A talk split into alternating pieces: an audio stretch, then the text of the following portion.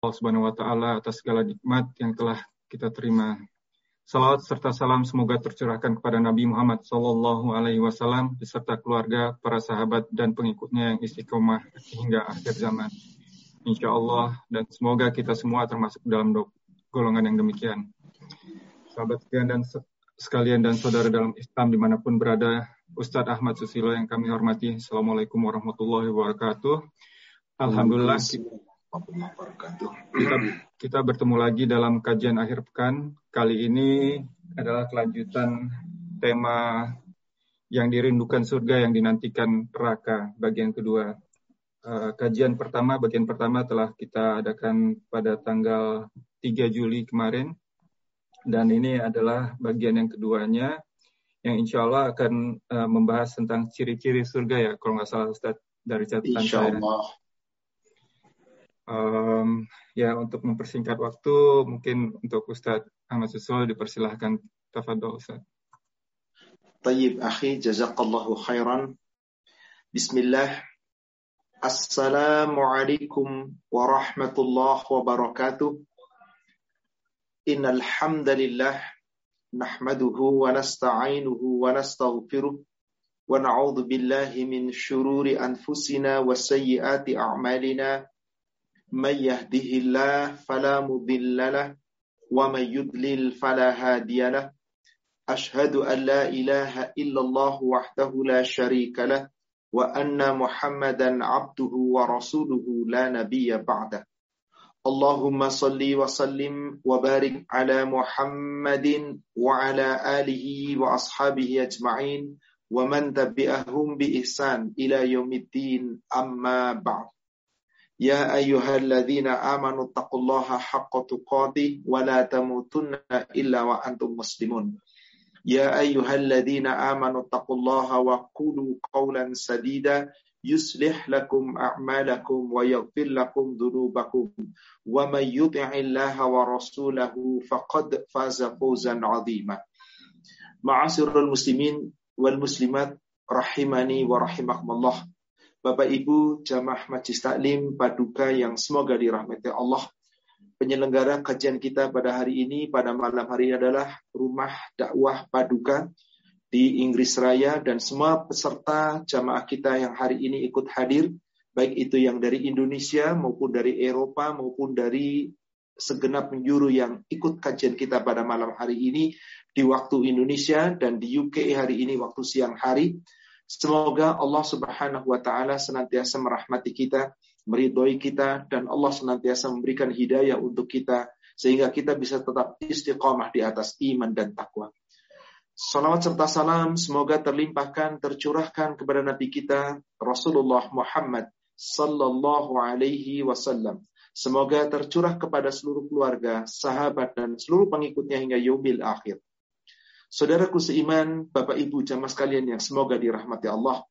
Hari ini kita insya Allah akan melanjutkan kajian kita sesi kedua tentang bab yang dirindukan surga, yang dinantikan neraka. Di mana di pertemuan yang lalu kita baru membahas sesi pertama tentang golongan orang yang dirindukan surga.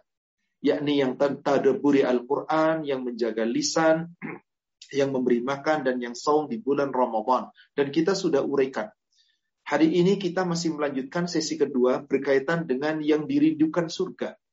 Setelah kita menguraikan tentang golongan orang-orang yang dirindukan surga, hari ini insya Allah kita akan membahas tingkatan-tingkatan atau nama-nama surga.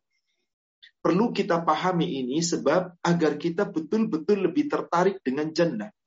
Karena surga nikmatnya tidak terbayang. Nikmatnya tidak pernah terlintas di dalam penglihatan, di dalam pendengaran, di dalam akal pikiran, bahkan terlintas dalam hati sanubari manusia. Karena nikmatnya surga adalah sebuah nikmat yang belum pernah Allah berikan di dunia. Adapun nikmat yang kita rasakan di dunia adalah baru sebagian kecil dari nikmat yang kita akan rasakan di surga nanti. Untuk itu, agar kita betul-betul lebih semangat mengejar surga, bersungguh-sungguh untuk meraih surganya Allah, berlomba-lomba untuk mendapatkan ampunan dan surganya Allah, maka Allah memberitakan tentang surga beserta nama-nama surga, tingkatan-tingkatan surga yang semuanya itu hanya Allah tujukan untuk orang yang beriman, untuk orang yang bertakwa. Tanpa itu kita tidak bisa meraih. Untuk itu agar kita tertarik, Allah memberikan gambaran-gambaran yang luar biasa.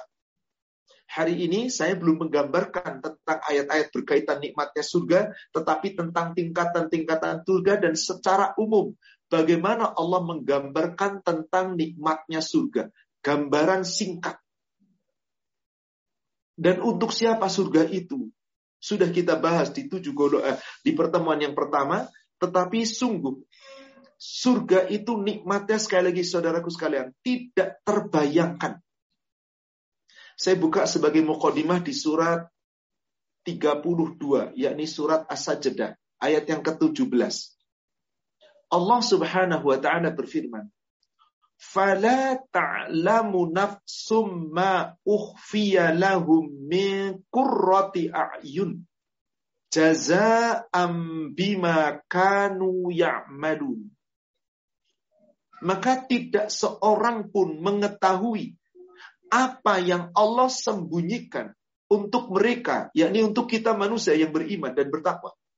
Kenikmatan yang berada di dalam surga, bermacam-macam nikmat yang menyenangkan, qurrata ayun, menyenangkan hati dan menyenangkan segalanya. Jaza'an bima kanu ya'malun sebagai balasan atas apa yang mereka telah amalkan di dunia.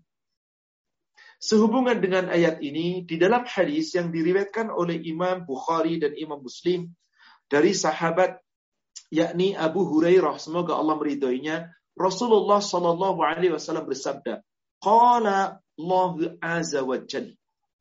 Rasulullah bersabda, Allah azza wa jalla berfirman, "A'dadtu li'ibadis salihin." Aku sediakan untuk hamba-hambaku yang saleh mala ainun ra'at. Suatu nikmat yang belum pernah dilihat oleh mata. Wala uzunun sami'at. Suatu nikmat yang belum pernah terdengar oleh telinga. Wala khabara ala qalbi bashar. Dan suatu nikmat yang belum pernah terlintas di dalam hati manusia. Manusia belum pernah terlintas tentang nikmat itu. Artinya apa? Nikmat yang luar biasa. Nikmat yang luar biasa. Mistaqu dzalika fi kitabillah. Sebagaimana yang difirmankan oleh Allah di dalam kitab Allah. yakni tadi di surat 32 ayat yang ke-17. Fala ta'lamu nafsun ma ukhfiya lahum min qurrati a'yun jazaa'an bima kanu ya'malun. Dari hadis ini dan ayat ini, saudaraku sekalian, berarti nikmatnya surga itu suatu nikmat yang luar biasa, nikmat yang belum pernah Allah berikan kepada makhluk di dunia. Maka nikmatnya surga itu tak terbayangkan. Saking nikmatnya. Kalau kita hendak membayangkan dengan akal, nggak mampu. Karena tak terlintas, belum pernah terlihat, belum pernah terdengar, belum pernah terlintas, belum pernah terlintas pula dalam hati. Kalau Allah gambarkan secara keseluruhan sebuah nikmatnya surga yang nggak mungkin bisa dibayangkan dengan pikiran kita dan nggak mampu kita membayangkan, saking nikmatnya Allah baru sebuah ayat Al-Quran menggambarkan surga, akal kita nggak sampai pak, nggak sampai ibu. Sering di dalam Al-Quran Allah sebut surga itu tajri min tahtihal anhar. Mengalir sungai-sungai di bawahnya. Digambarkan sungai-sungai. Pernahkah kita membayangkan seperti apa sungai surga? Jangan pernah Anda bayangkan sungai yang ada di dunia ini. Sejernih apa pun sungai di dunia. Sebagus apa pun sungai di dunia. Seindah apa pun sungai di dunia. Kecil nggak ada apa-apanya dibandingkan sungai surga. Mari kita buka. Surat Muhammad. Surat 47 ayat 15. Allah Subhanahu wa taala berfirman, "Mathalul jannati allati wu'idal muttaqun." Perumpamaan surga yang Allah janjikan untuk orang-orang bertakwa. Ada apa di dalam surga itu? Kata Allah, fihaan harum mimma'in ghairi asin. Di dalam surga itu ada suatu surga yang sungai, yang sungainya itu adalah ghairi asin. Sungai yang tidak pernah berubah rasanya, yang tidak payo rasanya, yang jernih warnanya, yang selalu rasanya itu segar dan menyegarkan. Bayangkan sungai di dunia. Mungkin Bapak Ibu kalau menuju ke sebuah pegunungan, di kaki gunung ada sumber mata air. Jernih, begitu sejuknya kita pakai untuk cuci muka, begitu segar. Langsung kita minum, tidak khawatir. Kenapa? Belum terkontaminasi. Tapi hanya di ujung sana, di hilir sana. Begitu sudah sampai menuju ke kota, aliran itu sampai ke kaki pegunungan, ke lembah terus menuju ke kota, warnanya sudah sangat berubah. Bahkan bisa jadi hitam warnanya. Baunya berubah total. Sungai di surga berjuta-juta kilometer sekalipun. Mimma'in ghairi asin. Airnya adalah air yang tidak pernah berubah. Tidak payah rasanya. Rasanya nikmat. Dan mengalir terus. Yang kedua, wa anharun dan juga ada sungai-sungai min labanin lam yataghayyar ta'mu. Yang sungai itu airnya adalah air susu yang bagi peminumnya tidak pernah akan berubah rasanya. Pernahkah terbayang ada sungai airnya air susu? Gak terbayang saudaraku sekalian. Ini bukan cuma bejana isinya susu. Bukan kolam isinya susu. Bukan danau isinya susu. Tapi ini sungai isinya susu mengalir terus. Yang susu itu tidak pernah berubah rasanya. Lam yataghayyar ta'mu. Bagi orang yang meminumnya, nggak pernah berubah rasanya. Berjuta-juta tahun tidak pernah berubah. Bagaimana dengan susu di dunia? Silakan Bapak Ibu beli susu. Silakan beli satu kaleng susu atau beli satu kemasan susu, satu liter, dua liter, Silahkan Anda buka, Anda tuang, jangan masukkan ke kulkas, sehari, dua hari, tiga hari, apa yang terjadi? Bau berubah, rasa berubah, warna berubah, bentuk sudah berubah. Bukan cair lagi, sudah mulai kental. Adakah yang berani minum? Gak ada. Bagaimana dengan sungai di surga? Anharun labanun lam yataghayyar ta'am. Yang ketiga, wa anharun min khamr lazzatin lisyaribi. Sungai-sungai dari khamr, dari wine, dari madu, dari apa namanya anggur atau apa pun khamr yang di dunia Allah hamarkan aramkan khamr. Di akhirat Allah sediakan khamr dari sungai berupa khamr. Lezatin lisyaribin. Bagi orang yang minum, lezat. Tidak bikin mabuk wa anharu min asali musaffa dan sungai-sungai dari madu murni yang disaring. Madu murni yang begitu jernih, yang begitu nikmat. Terbayangkah oleh kita? Tidak, saudaraku sekalian. Seperti yang Allah gambarkan tadi, di surat 32 ayat 17, "Fala ta'lamu nafsum ma Allah gambarkan ini baru gambaran saja, akal kita nggak bisa mencerna. Mungkin kita menolak, mungkinkah ada sungai dari madu? Lengket dong. Ada sungai dari susu? Aneh dong. Inilah manusia. Gambaran manusia nggak akan sampai. Tapi Allah katakan di ayat ini. Apakah hanya dari sungai-sungai saja? Allah katakan di sini, walahum fiha min kulli samarat. Dan bagi Allah, Allah akan memberikan kepada semua penghuni surga dari bermacam-macam buah-buahan, kulli samarat yang paling utama wa maghfiratum min rabbihim dan ampunan dari Allah Rabb mereka. Allah hendak persamakan dengan minuman ahli neraka. Kaman huwa khalidun finnar wasuqu ma'an hamiman faqatta'a am'a'ahum Samakah dengan penghuni neraka yang apabila meminta air minum, mereka kekal di dalam neraka. Jika minta minum, dikasih minum hamiman yang sangat panas, yang sekali teguk minuman itu, ahum akan memotong-motong usus mereka. Saudaraku seiman, dari ayat ini sungguh luar biasa. Tak terbayangkan maka yang ada di dalam surga adalah nikmat, nikmat, nikmat. Karena di dalam surga itu kenikmatan yang Allah ridho. di mana kenikmatan yang tidak pernah Allah berikan kepada makhluk sebelum ini di dunia. Di dalam sebuah hadis yang diriwayatkan oleh Imam Muslim dari Abu Sa'id Al-Khudri. Qala Rasulullah sallallahu alaihi wasallam, "Inna Allah yaqulu li ahli jannah." Rasulullah sallallahu alaihi wasallam bersabda, Allah tabaraka wa taala berfirman kepada penghuni surga, "Ya ahlal jannah, wahai para penghuni surga." Fayaqulun, maka para penghuni surga menjawab, "Labbaika rabbana wa sa'daik wal khairu fi yadaik." Kami datang memenuhi panggilan kau wahai Rabb kami. Kami datang memenuhi panggilanmu ya Allah. Dan kami mengakui semua kebaikan itu darimu. Kemudian Fakon Allah kemudian subhanahu wa ta'ala Allah tabaraka wa ta'ala kemudian berfirman di saat itu penghuni surga setelah memenuhi panggilan Allah maka Allah berfirman fayaqul hal raditum Wahai para penghuni surga, apakah kalian sudah riba dengan segala nikmat yang tak tertinggal ini, yang tak terhingga ini, yang tiada taranya ini? Hal itu fayaqulun. Maka orang-orang yang berada di dalam surga ketika telah mendapatkan nikmat yang dirasakan segala-galanya, dia menjawab, "Wa ma lana la tarda ya Rabbi?" Bagaimana kami tidak riba, wahai Rabbku? Bagaimana kami tidak puas dengan nikmat di surga, wahai Rabbku? Kenapa? Faqad a'taitana malam tu'ti ahadam min khalqik. Sungguh engkau telah memberikan kepada kami nikmat di dalam surga itu suatu nikmat yang engkau belum pernah memberikan ini kepada makhluk jadi di dunia makhluk siapa pun belum pernah diberi nikmatnya surga. Lalu bagaimana kami tidak puas dengan pemberianmu di surga ya Allah?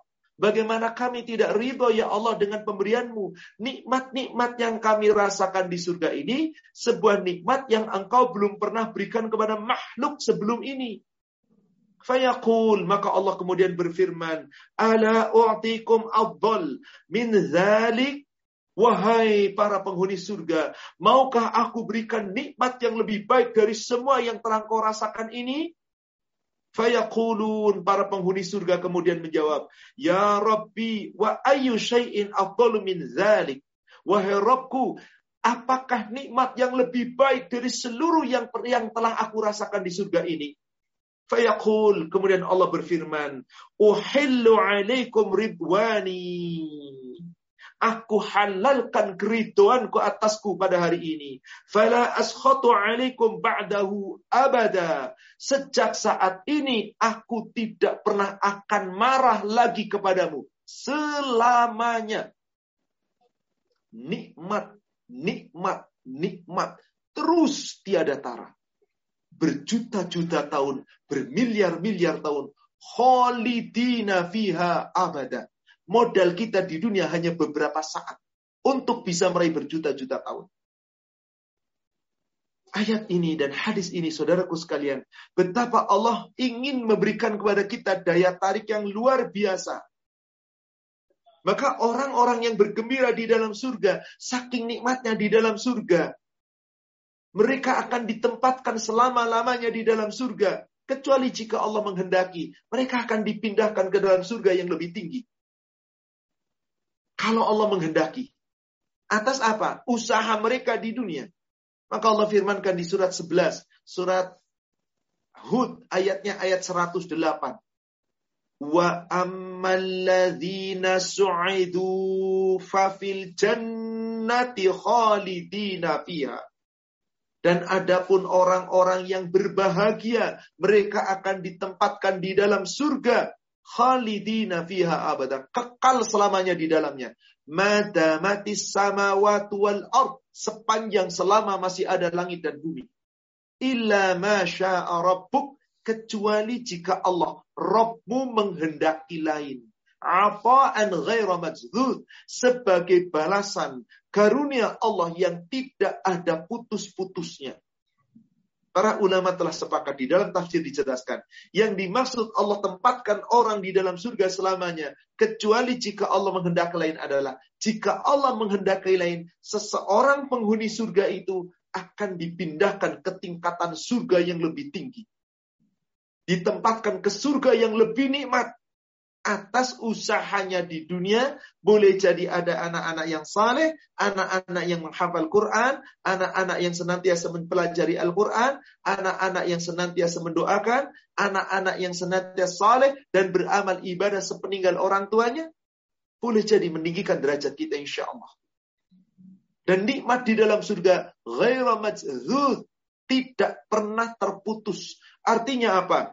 Nikmat yang terus menerus, terus merasakan nikmat. Itulah dia nikmat di dalam surga. Untuk itu, pada malam hari ini, insya Allah, waktu Indonesia Barat dan siang hari di UK, kita akan mengkaji dalam Al-Quran nama-nama lain dari surga. Yang surga itu memiliki tingkatan-tingkatan. Banyak ulama berbeda pendapat tentang ini. Ada yang mengatakan tujuh nama, ada yang mengatakan sembilan, ada yang mengatakan dua belas, ada yang mengatakan lima belas. Karena nama-nama yang diulang-ulang oleh Allah. Tapi nama-nama itu sesungguhnya memiliki makna sama. yakni surga yang penuh kenikmatan, yang kekal dan seterusnya. Saya akan coba tunjukkan beberapa nama-nama surga di dalam Al-Quran. Yang pertama, Allah menyebut dengan Darussalam. Yang paling banyak tentu saja jannah. Apa sih makna jannah itu? Secara bahasa, jannatun itu artinya kebun. Secara bahasa, secara bahasa Arab, surga itu berarti kebun. Loh, kebun, tapi maaf, Anda jangan bayangkan kebun seperti di sini. Kebunnya surga di tamannya saja. Subhanallah. Maka ada yang katakan riyadus salihin, taman-taman orang saleh, robotul jannah, tamannya surga. Tamannya saja segala nikmat. Bagaimana dengan kebunnya? Artinya apa? Sesuatu yang sangat nikmat. Di mana surga itu yang namanya kebun terdapat banyak pohon-pohon. Pohon kurma dan segala pohon yang Allah tetapkan. Maka di dalam surga disebutkan jannah atau disebutkan surga di dalam bahasa Arab kecuali pasti sebuah kebun yang penuh dengan tanam-tanaman. Dan tanam-tanamannya jangan kita bayangkan seperti tanaman di dunia. Sekarang kita akan pelajari di dalam Al-Quran nama-nama tentang surga. Yang pertama, Darussalam.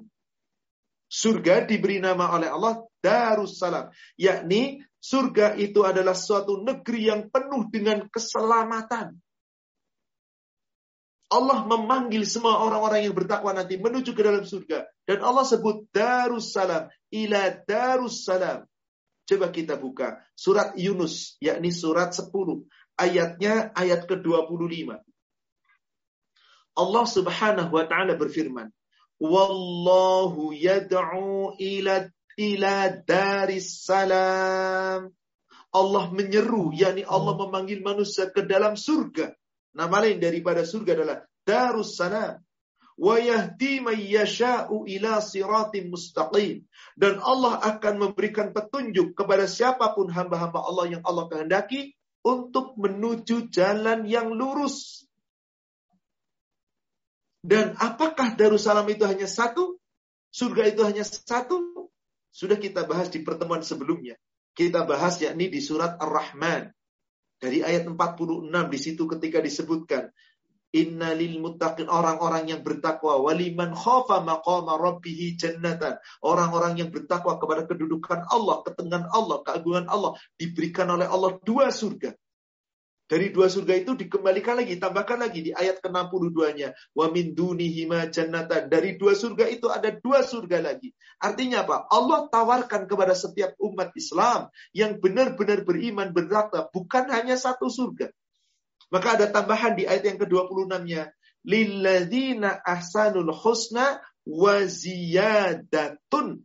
Dan bagi orang-orang yang senantiasa berbuat baik, maka Allah akan memberikan tambahannya, ziyadah. Tambahan itu apa? Surga yang tingkatnya lebih tinggi kedudukannya. Surga yang nikmatnya lebih baik dari nikmat yang dia rasakannya. Itulah tambahan yang dimaksud. Surga yang Allah berikan lagi, surga yang lain. Kemudian surat Al-An'am, surat 6, ayat 126 dan 127. Surat 6, Al-An'am, 126 dan 127. Allah berfirman, وَهَذَا siratu رَبِّكَ mustaqimah. Dan inilah jalan Rabbmu yang lurus. Jalan yang Allah ridhoi. Qad fassalnal ayati liqaumin yadzakkarun. Sungguh telah Allah sampaikan, yakni dijelaskan ayat-ayat Allah berupa Al-Quran, melalui Nabi kita, melalui sahabat-sahabatnya. Kemudian sampailah kepada kita. Kepada siapa? Orang-orang yang betul-betul mau menerima peringatan. Kalau orang itu mau menerima peringatan, apa yang Allah akan berikan nanti di akhirat? Ayat ke-127-nya. Lahum darussalam. Bagi mereka akan diberikan darussalam, yaitu surga, tempat yang penuh dengan keselamatan. Tempat yang penuh dengan kedamaian. Negerinya Allah. Karena Allah punya nama Assalam. Maka setiap selesai sholat, ketika kita dikir, kita baca apa? Allahumma antas salam wa minkas salam tabarakta ya dzal jalali wal ikram. Apa artinya Darussalam? Negerinya Allah yang penuh dengan keselamatan. Itulah dia surga. Inda rabbihim dan itu terletak di sisi Rabb mereka. Wa huwa waliyuhum bima kanu ya'malun dan dialah Allah pelindung mereka karena amal kebajikan yang telah dilakukannya di dunia. Artinya siapa saja yang memasuki surga, mereka berada di sebuah tempat yang penuh dengan keselamatan. Negeri yang penuh dengan keselamatan. Itulah yang dimaksud Darussalam. Apa itu? Nama lain daripada surga. Yang memiliki tingkatan-tingkatan. Kemudian yang kedua, Allah juga menyebut Jannatul Khuld. Surga itu adalah surga tempat yang kekal. Yang kekal selama-lamanya. Tadi telah disebutkan di surat 11, surat Hud ayat 108. Khalidina fiha madamatis samawati wal ard illa ma sya'a kecuali jika Rabbu menghendaki. Artinya kekal selamanya jika menghendaki dipindahkan ke surga yang lebih tinggi. Maka nama lain daripada surga adalah Jannatul Khud. Kita bisa lihat di surat Al-Furqan. Surat 25. Ayatnya ayat 15 dan ayat 16. Allah Subhanahu wa taala berfirman, "Qul adzalika khairun am jannatul khuld?" Katakanlah, hai Muhammad, apakah azab yang Allah janjikan kepada orang-orang yang dolim yang seperti itu sama dengan orang-orang yang ada di dalam darul khuld, jannatul khuld, surga yang kekal? allati wu'idal muttaqun yang Allah janjikan khusus untuk orang-orang bertakwa kanat lahum jaza'a wa masira sesungguhnya di dalam surga itu Allah akan berikan balasan dan tempat kembali bagi mereka tempat kembali yang kekal penuh dengan kenikmatan lahum fiha ma yasha'un khalidina bagi mereka di dalam surga yang kekal itu apa pun yang mereka inginkan diberikan dan mereka kekal. Karena ala rabbika wa'dan mas'ula. Sungguh itulah janji Allah yang pantas kita memohon kepada Allah akan janjinya. yakni surga, kita pantas meminta surga. Mintalah kepada Allah dengan surga. Mintalah sebagaimana para nabi meminta kepada Allah surga. Jangan seperti orang-orang sufi mengatakan, kami ibadah bukan karena pengen surga, tapi karena Allah. Justru karena Allah itulah kita ingin masuk ke dalam surga. Rasulullah senantiasa minta surga. Siapa yang meminta surga kepada Allah tiga kali, maka surga berkata, Ya Allah, masukkan dia ke dalam surga, ke dalamku, yakni ke dalam surga. Siapa yang meminta dijauhkan dari neraka tiga kali, maka neraka berkata, Ya Allah, jauhkan dia dariku, dari neraka. Artinya Rasul saja meminta surga, padahal beliau sudah dijamin surga. Kita umatnya, mintalah kepada Allah surga. Surga yang penuh dengan kenikmatan. Kenikmatan yang tiada taranya. Yang disebutkan Jannatul Khuld. Kemudian Allah juga menyebut dengan Jannatul Ma'wa. yakni tempat yang tinggi. Surga tempat yang penuh kenikmatan yang tempatnya tinggi. Allah sebutkan antara lain di surat An-Najm ketika Rasulullah Shallallahu Alaihi Wasallam Mi'raj di surat 53 dari ayat 13 sampai ayat 15 di situ sebutkan walaqad ra'ahu nazlatan ukhra dan sungguh Nabi Muhammad sallallahu alaihi wasallam benar-benar telah melihat malaikat Jibril nazlatan ukhra dalam wujud yang asli di waktu yang lain. Rasulullah melihat langsung kapan melihat malaikat Jibril dalam wujud yang asli? Inda sidratil muntaha, yakni ketika berada di sidratul muntaha di saat Rasulullah mi'raj dari Baitul Maqdis sampai menuju sidratul muntaha Lalu dikatakan di situ, indaha jannatul ma'wa. Di sampingnya, di dekatnya ada surga tempat tinggal yang tinggi. Jannatul ma'wa. Nama lain daripada surga, jannatul ma'wa. Dan untuk siapakah jannatul ma'wa? Di antaranya untuk orang-orang yang takut akan Allah.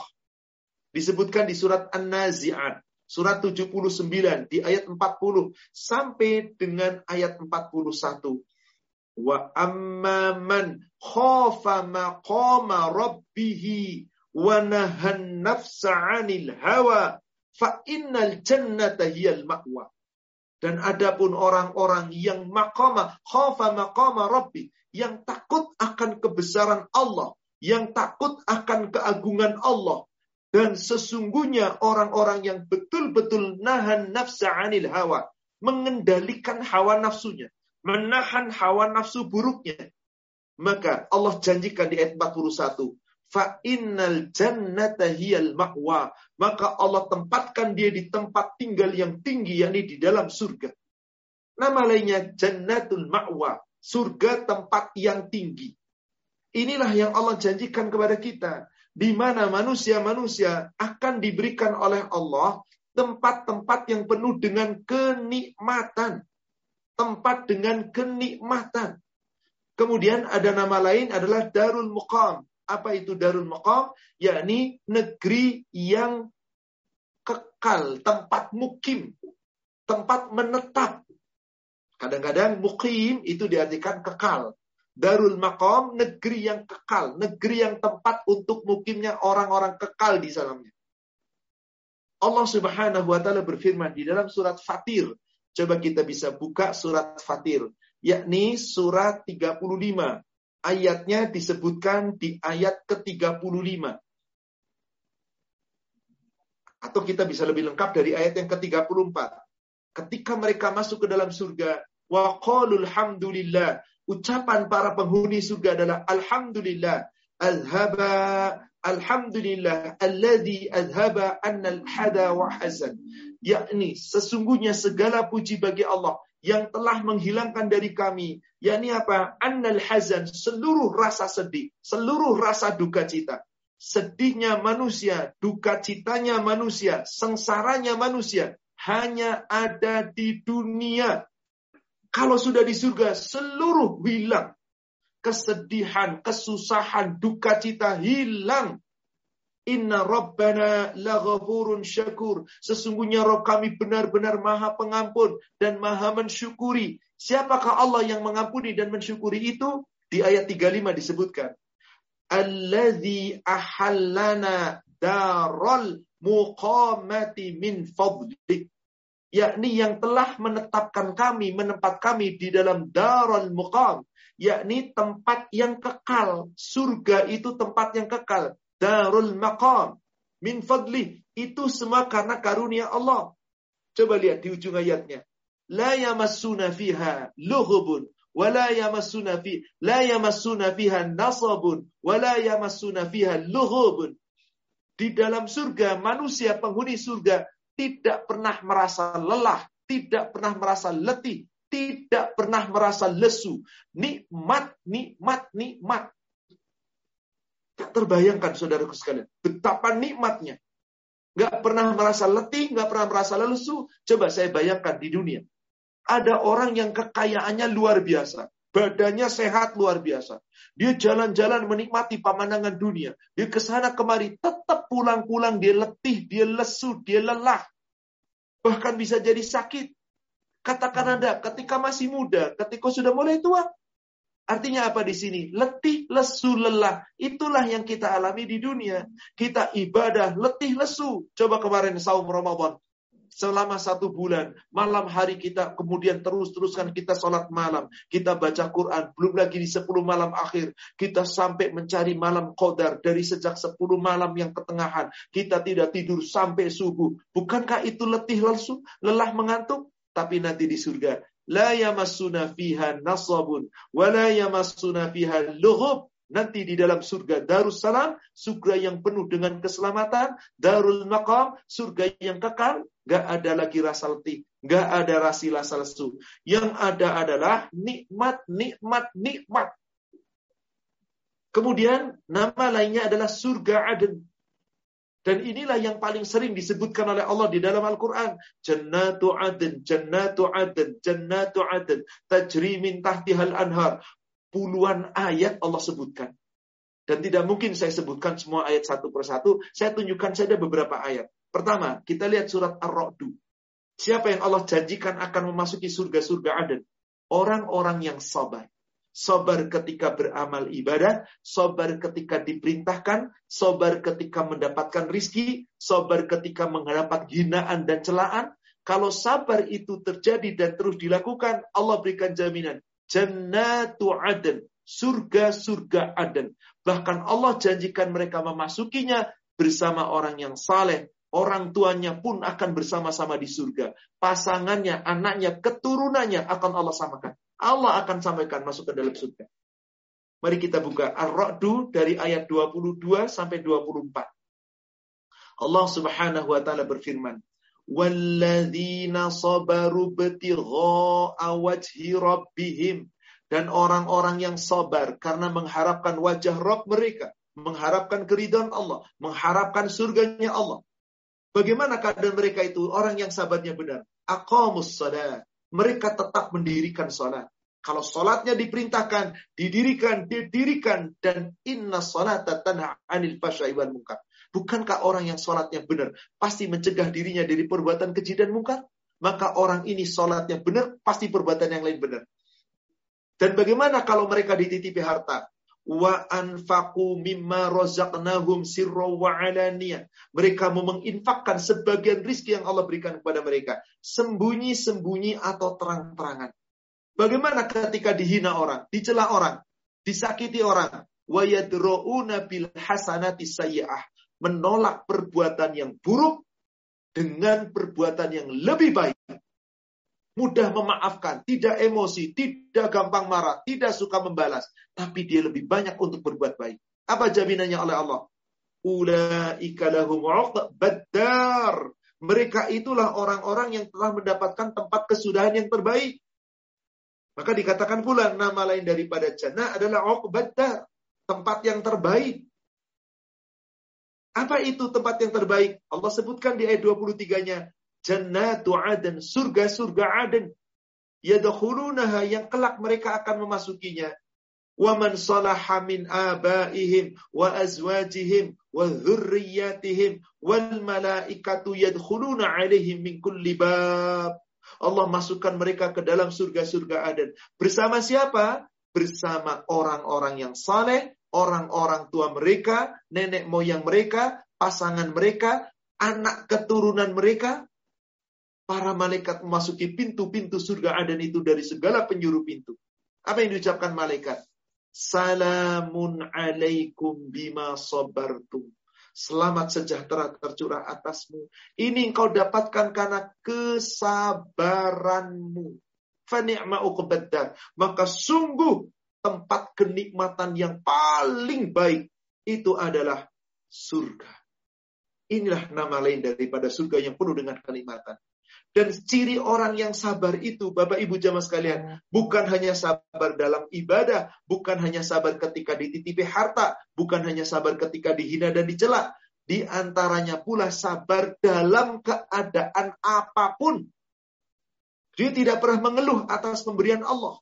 Mau dikasih nikmat yang baik, yakin ini dari Allah. Alhamdulillah, binikmatihi tatimus salihah.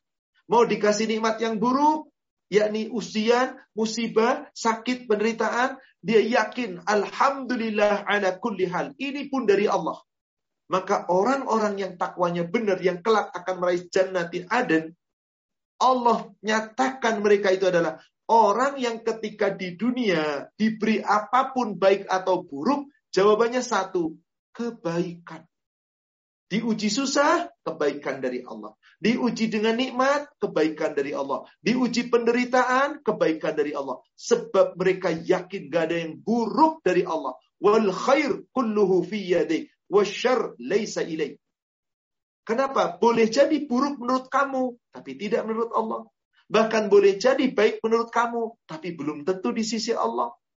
Maka ciri orang itu Allah gambarkan di surat An-Nahl tentang surga Aden. Lihat surat 16 An-Nahl dari ayat 30 dan 31.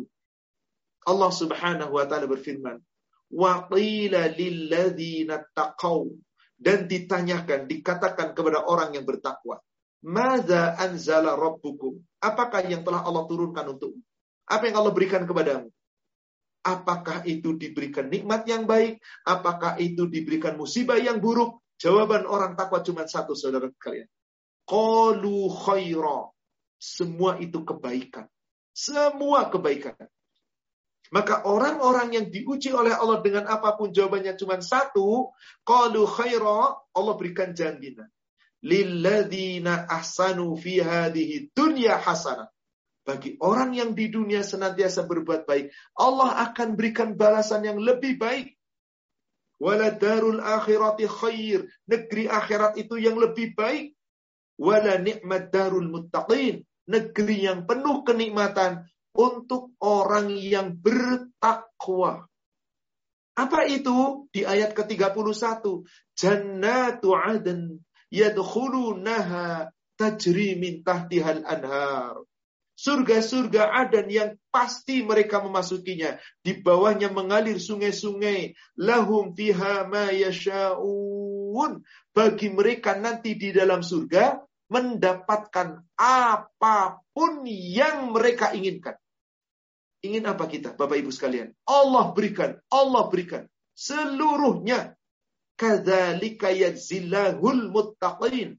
Demikian itu adalah balasan dari Allah bagi orang bertakwa. Dan inilah yang paling banyak disebut oleh Allah. Jannatu adn. Yang paling familiar tentu kita sudah hafal semua. Rata-rata umat Islam hafal. Karena ini masuk kategori ayat-ayat yang mufasalnya pendek. Surat Al-Bayyinah, surat 98 di ayat yang ke-7 dan ayat 8. Saya yakin sudah pada hafal rata-rata. Innalladzina amanu wa amilus solihati ulaikahum khairul bariyah. Sesungguhnya orang-orang yang beriman, yang beramal soleh, mereka itu adalah sebaik-baik makhluk. Jazauhum inda rabbihim jannatu adn tajri min tahtihal anhar khalidina fiha abada radiyallahu anhum wa radu'an dzalika liman khasyya rabbah balasan dari Allah bagi orang-orang yang terbaik tadi yang beriman dan beramal soleh surga-surga Aden yang mereka akan memasukinya sungai-sungai mengalir di bawahnya kekal di dalamnya selama-lamanya Allah ridho kepada mereka mereka ridho dengan ketetapan Allah. Maka tadi ada dialog. Hal roditum. Apakah kalian ridho? Fakaifanana ma tardo ya Rabbi. Bagaimana kami tidak ridho wahai Rabbku. Sungguh kau telah melibatkan apa? Rukti kepada kami telah memberikan. Apa itu? Nikmat yang belum pernah diberikan kepada makhluk. Maka Allah ridho. Di antara ridhonya Allah adalah kita tidak akan mendapat marah lagi dari Allah. Yang ada adalah nikmat, nikmat, dan nikmat. Wallahualam. Nama berikutnya Allah beri nama dengan maq'adu sidqi. Maq'adu sidqi. Apa itu maq'adu sidqi? Tempat yang sidik, yang benar, yang sangat dicintai, yang sangat disenangi. Di mana itu antara lain disebutkan oleh Allah di surat Al-Qamar, surat 54 ayatnya ayat-ayat ya ini ayatnya ayat yang ke-54. Di situ disebutkan dan ayat yang ke-55. Innal muttaqina fi jannati wa nahar. Sesungguhnya orang-orang yang bertakwa ditempatkan di dalam surga dan penuh dengan sungai-sungai. Fi maq'adi sidqin inda malikin muqtadir. Yakni di tempat yang disenangi di sisi roh mereka yang maha kuasa. Apa nama lain surga di sini? Maq'adi sidqin. yakni tempat yang disenangi, tempat yang indah, tempat yang penuh dengan kenikmatan. Yang pasti kalau indah dan nikmat sangat disenangi. Oleh siapa? Tentu saja oleh manusia. Bukankah manusia sangat menyayangi, menyenangi tempat-tempat yang menyenangkan? Coba lihat di dunia. Taman-taman di situ banyak-banyak hiburan. Wah senang nongkrong. Tapi dipanggil Allah, padahal ada taman yang lebih indah daripada dunia. Maka ketika kita membaca ayat seperti ini, kita yakin dunia nggak ada apa-apanya saudara sekalian. Surga itulah yang paling nikmat. Sampai namanya Allah gambarkan dengan bermacam-macam nama. untuk menjadi apa? Daya tarik kepada kita. Kemudian Allah juga memberi nama Qadama Sidqin. Kalau tadi Ma'adu Sidqi, sekarang Allah sebut Qadama Sidqi. Antara lain Allah firmankan di surat Yunus, surat 12 ayat yang kedua. Nanti di tengah ayat sampai akhir ayat ada kalimat itu. Awal ayatnya Allah katakan, akala lilna akana linnasi ajaban an auhayna ila rajulin minhum an anzirna nas wa basyiril ladina amanu. Pantaskah manusia menjadi heran ketika Allah memberikan wahyu kepada seorang laki-laki di antara mereka, yakni Nabi kita Muhammad sallallahu alaihi wasallam, yang isi wahyunya kepada Nabi adalah perintah Allah kepada Nabi, berilah peringatan. Kepada siapa? Kepada manusia. Dan berikan kabar gembira. Kepada siapa? Kepada manusia. Manusia yang mana? Alladzina amanu. Orang-orang yang beriman. Annalahum bagi mereka akan mendapatkan qadama sidqin 'inda rabbihim. Qadama sidqin 'inda rabbihim. Mereka itu akan mendapatkan qadama sidqin. Kedudukan yang tinggi. Itulah surga karena tempat paling mulia tempat paling tinggi itulah surga Allah janjikan itu kepada siapa orang-orang yang beriman dan kafiruna inna mubin. Orang-orang kafir akan mengatakan, ini sihir yang nyata. Quran bukan dari Allah. Itu hanyalah perkataan Muhammad. Itu adalah pendusta. Itu kata-kata dari bikinannya. Dan seterusnya, dan seterusnya. Padahal Allah sudah menjanjikan. Orang-orang yang imannya benar akan mendapatkan qadama sidqin. Kemudian kita bisa mendapatkan pula, ada pula yang namanya maqamun amin maqamun amin. Di antaranya silahkan kita bisa lihat surat Ad-Dukhan, surat 44 di ayat 451 dan di ayat 52. Surat Ad-Dukhan surat 44 ayat 51 dan ayat 52. Allah berfirman, "Innal muttaqina fi maqamin amin." Sesungguhnya orang-orang yang bertakwa Allah akan tempatkan di maqamin amin. yakni tempat yang mulia, tempat yang paling aman, yang penuh dengan kenikmatan. Di mana itu? Fi jannatin wa'uyun. Di dalam surga yang penuh dengan mata air-mata air. Inilah salah satu nama daripada surga.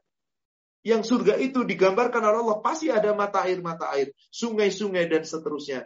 Dan di sanalah tempat yang sangat aman karena tidak ada siksa, tidak ada adab, tidak ada rasa marah dari Allah. Itulah surga. Itulah yang penuh dengan kenikmatan. Kemudian juga Allah sebut surga itu adalah jannatun na'im. Ini surga yang tempat yang penuh dengan kenikmatan. Ternyata ini pula surga yang Nabiullah Ibrahim memohon kepada Allah. Ada doa Nabi Ibrahim di surat As-Su'ara, surat 26 dari ayat 83. Di ayat 85-nya di situ ada doa. Rabbi habli hukman wa alhiqni bisalihin waj'al li lisana sidqin fil akhirin waj'alni min warathati jannatin na'im. Doanya Nabiullah Ibrahim. Surat Asy-Syu'ara, surat 26 dari ayat 83 sampai ayat 85. Rabbi habli hukman. Ya Allah karuniakan kepadaku hikmah, yakni ilmu pengetahuan. Waj'alni minas salihin dan jadikan aku agar termasuk orang-orang yang saleh. Waj'alli lisana sidqin fil akhirin. Jadikanlah aku menjadi buah tutur kata yang baik untuk umat-umat yang akan datang. Apa doa Nabi Ibrahim di ayat 85? Waj'alni mi warathati jannatin na'im. Ya Allah jadikan aku agar aku termasuk orang yang dapat mewarisi surga yang penuh dengan kenikmatan. Jannatun na'im. Maka setiap orang di dalam surga pasti na'im. Bahkan na'imum muqim naim, nikmat yang kekal. Allah firmankan pula di surat Luqman, surat 31 ayat 8. Innalladzina amanu wa amilu salihat. Sesungguhnya orang-orang yang beriman dan beramal saleh lahum jannatun na'im. Bagi mereka akan ditempatkan di surga-surga yang penuh dengan kenikmatan. Allahu Akbar. Dari gambaran ayat-ayat tadi, saudaraku sekalian, kenikmatan surga itu tiada taranya. Dan surga yang paling tinggi dari seluruh surga yang penuh nikmat adalah Jannatul Firdaus. Tapi para ulama berpendapat bahwasanya yang namanya Jannatul Firdaus adalah setiap surga-surga tadi memiliki Jannatul Firdaus. Kenapa? Karena tiap tingkatan surga ada kenikmatan yang paling tinggi kenikmatan yang paling tinggi itulah nikmat di dalam Jannatul Firdaus. Jadi bukan hanya untuk para nabi, termasuk untuk para sahabat, termasuk untuk para pengikut nabi. Siapa mereka? Jika orang yang bisa menjaga diri dengan sebaik-baiknya imannya, ibadahnya, farjinya, dijaga sebaik-baiknya, Allah berikan jaminan Jannatul Firdaus. Surga yang penuh kenikmatan. Adapun tingkatannya di mana? Urusan Allah, terserah Allah. Mau di jannatul ma'wa, mau di jannatul na'mim, mau di jannatul terserah Allah. Yang penting mendapatkan surga itu sudah luar biasa. Bagaimana cirinya? Berat memang Allah sebutkan. Kalau kita membuka surat 50 surat 23 yakni surat Al-Mu'minun itu dari ayat 1 sampai dengan ayat yang ke-9 Allah menceritakan ciri orang imannya benar. Ada enam ciri disebutkan di situ. Pertama, alladzina hum fi salatihim khusyun. Orang yang salatnya khusyuk. Kedua, walladzina hum 'anil mu'ridun. Orang yang kalau dia berkata-kata, kata-katanya nggak sia-sia, kata-katanya nggak kotor. Dia akan meninggalkan semua perkataan dan perbuatan yang nggak ada gunanya. Yang ketiga, walladzina hum lizakati fa'ilun. Orang-orang yang selalu menunaikan zakat. Yang keempat, walladzina ala furujihim yuhafidun. Orang-orang yang memelihara kemaluan, memelihara kehormatan, memelihara farji, gak mudah menghamparkan hawa nafsu.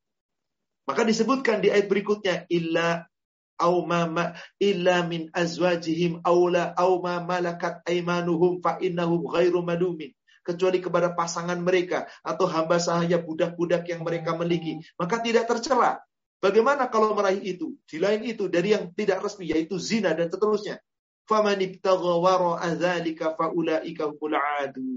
Itulah yang keempat. Lalu yang kelima di ayat yang kedelapan. Walladzina li amanatihim. Orang yang senantiasa kalau janji dia tunaikan, kalau amanah dia tunaikan, tidak suka khianat, gak suka menyalahi janji. Lalu yang nomor enamnya, walladzina hum ala salawatihim yuhafidun. Orang-orang yang menjaga semua solatnya. Solat fardunya dijaga, solat sunnahnya dijaga, solat sunnah qobliyah badiyah, solat sunnah qiyamul lail, solat sunnah duha, solat sunnah tahiyatul masjid, solat-solat sunnah yang telah ditetapkan Rasulnya dijaga sebaik-baiknya. Kalau enam ini terjadi, maka ditawarkan oleh Allah di ayat sepuluhnya. Ulaika humul warisun. Mereka itulah orang-orang yang akan mendapatkan warisan. Yang akan mewarisi. Apa yang diwarisi? Alladzina yarisunal firdaus. Mereka akan mendapatkan warisan surga firdaus. Hum fiha khalidun. Mereka kekal di dalamnya selama-lamanya nikmat, nikmat, nikmat yang luar biasa. Dari seluruh nikmat yang luar biasa itu, sesungguhnya kenikmatan yang paling utama dari seluruh nikmat adalah ketika penghuni surga memandang wajah Allah. Ketika penghuni surga memandang wajah Allah. Betulkah orang-orang yang beriman kelak di surga memandang wajah Allah? Betul. Pasti itu terjadi. Allah sudah janjikan itu.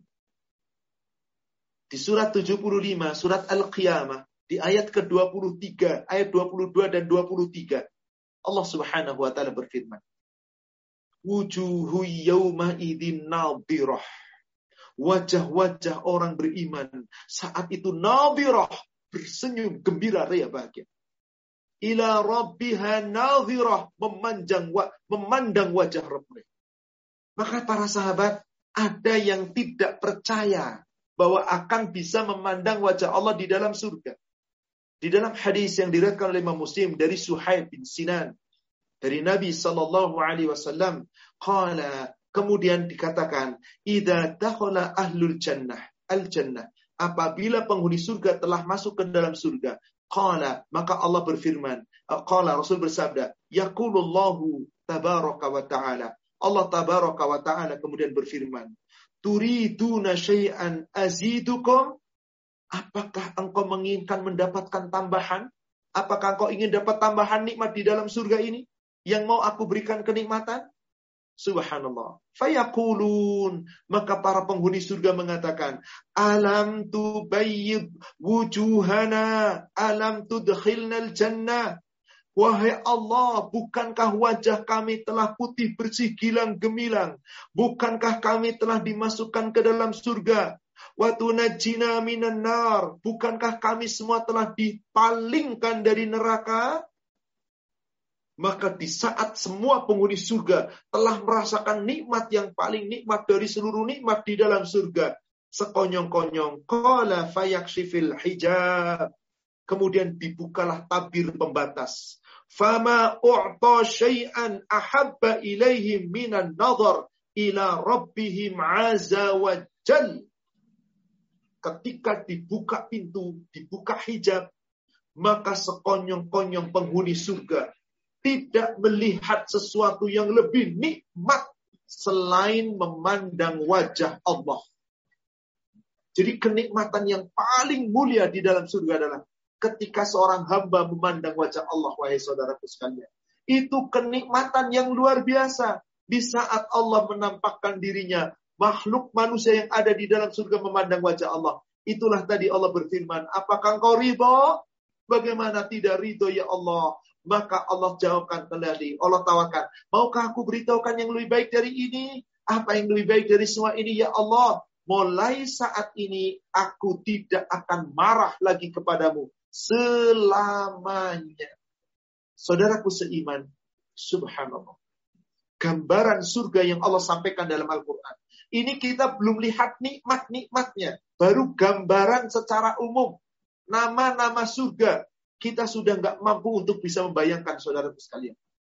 Karena memang surga itu nikmatnya luar biasa. Nikmatnya luar biasa. Maka hanya orang-orang yang maaf, yang bodoh, yang tidak mau menginginkan surga.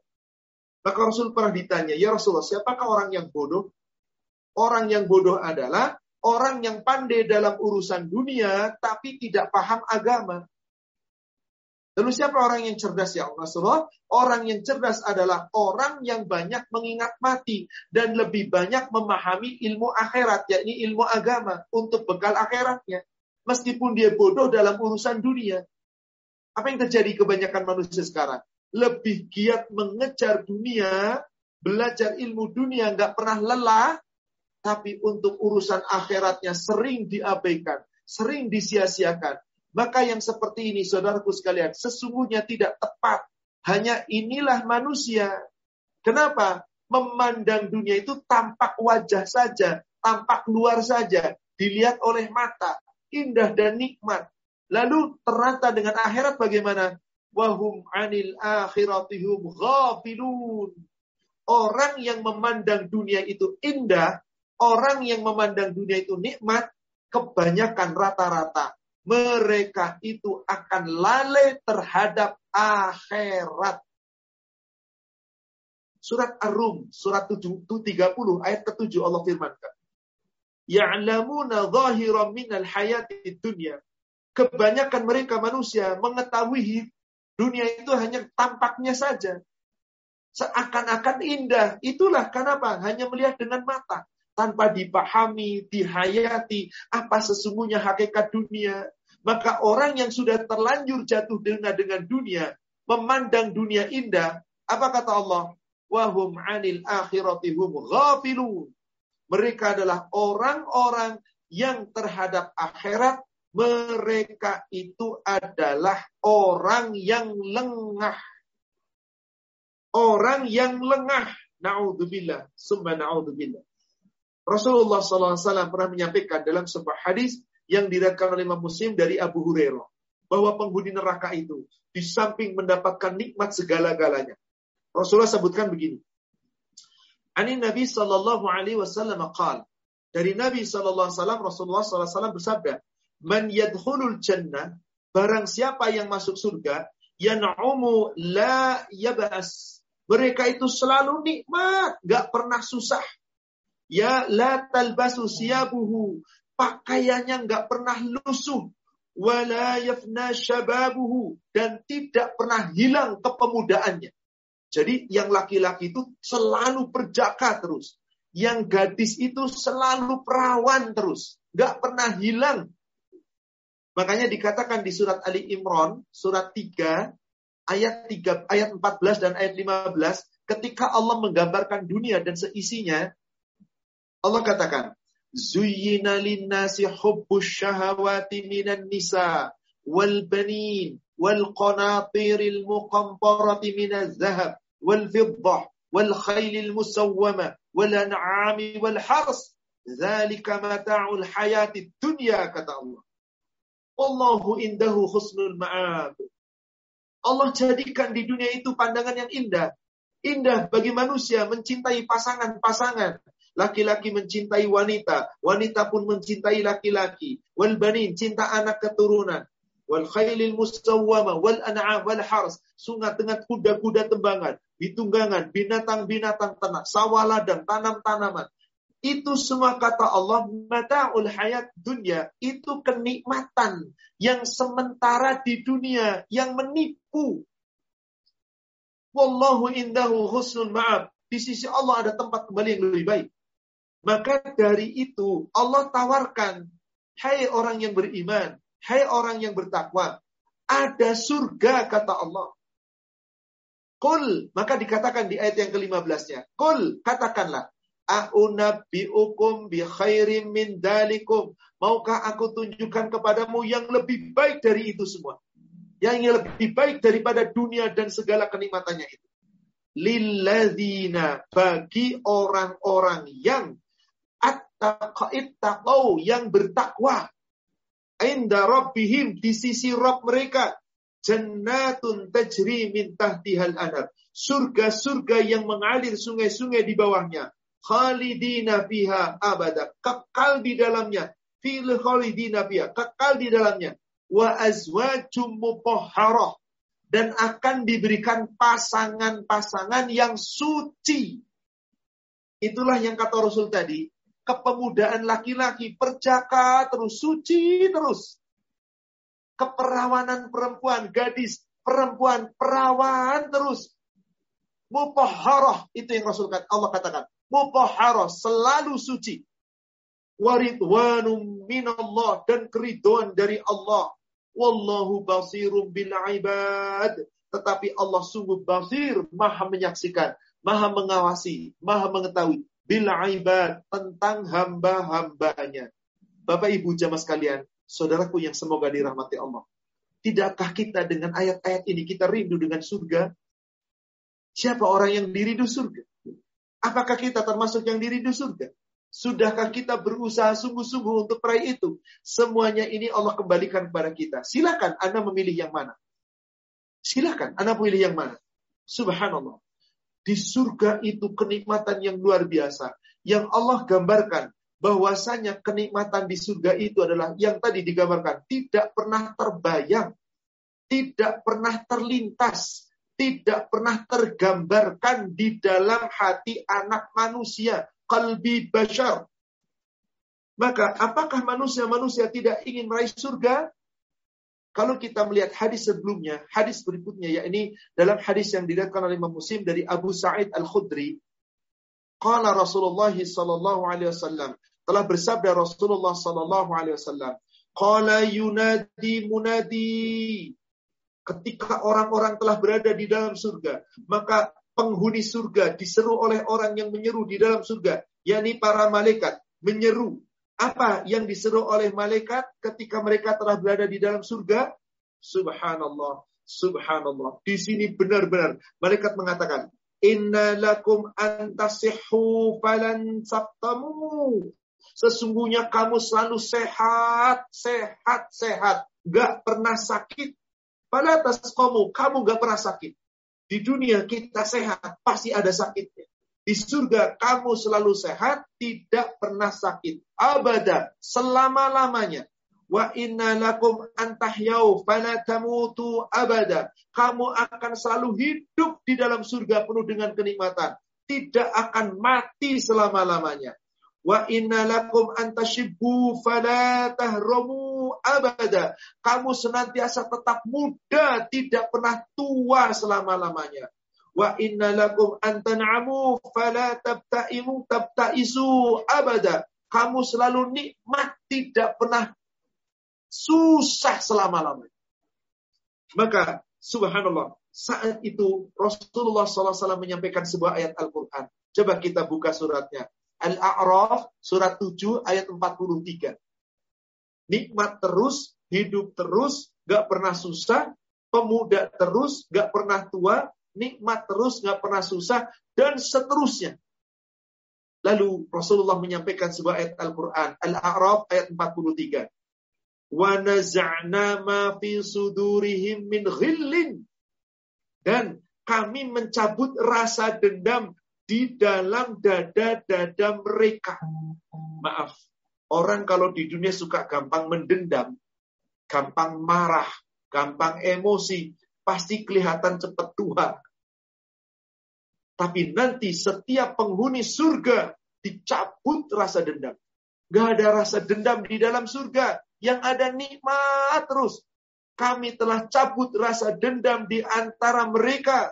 Di mana mereka itu min ghillin tajri min tahtihimul anhar. Mereka senantiasa ditempatkan di dalam surga yang mengalir di bawahnya. Wa alhamdulillah dan mereka mengucapkan segala puji bagi Allah. Wa qalu alhamdulillah, segala puji bagi Allah lilladzi hadana lihada yang telah memberikan petunjuk kepada kami atas petunjuk ini. Wa ma kunna linahtadiya laula an hadana Allah. Sesungguhnya kami tidak akan bisa mendapatkan hidayah sekiranya Allah tidak memberikan hidayah. Laqad ja'at rusulu bil haqq sungguh di dunia telah datang Rasul-Rasul Allah dengan membawa kebenaran. Rasul membawa kebenaran. Warudu maka diserukan oleh Allah kepada penghuni-penghuni surga di mana para penjaga surga menyeru. Antil komul jannah.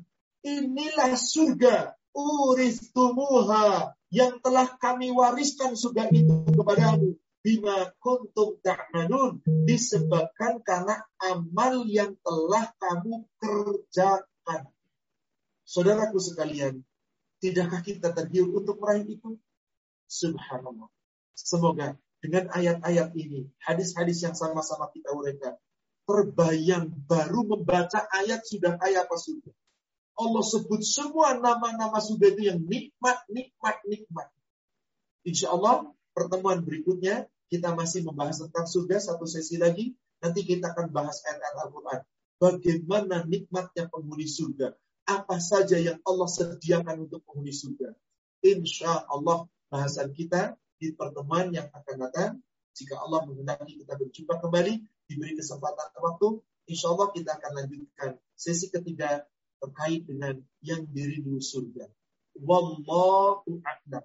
Demikian saudaraku seiman yang semoga dirahmati Allah kajian kita pada malam hari ini, pada siang hari ini waktu di UK. Saya sedia saya kembalikan kepada admin. Silakan kita untuk memulai sesi tanya jawab. Wallahu a'lam. Silakan. Jazakallah khair Ustaz atas uh, kajian kali ini. Uh, kita langsung masuk ke sesi tanya jawab. Kebetulan ini ada yang langsung mau bertanya Ustaz, sudah ada yang raise. Mungkin untuk kesempatan pertama kita berikan ke Bu Susi. Uh, silahkan di unmute, Bu.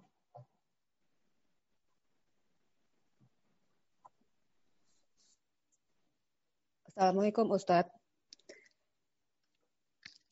Assalamualaikum Ustadz.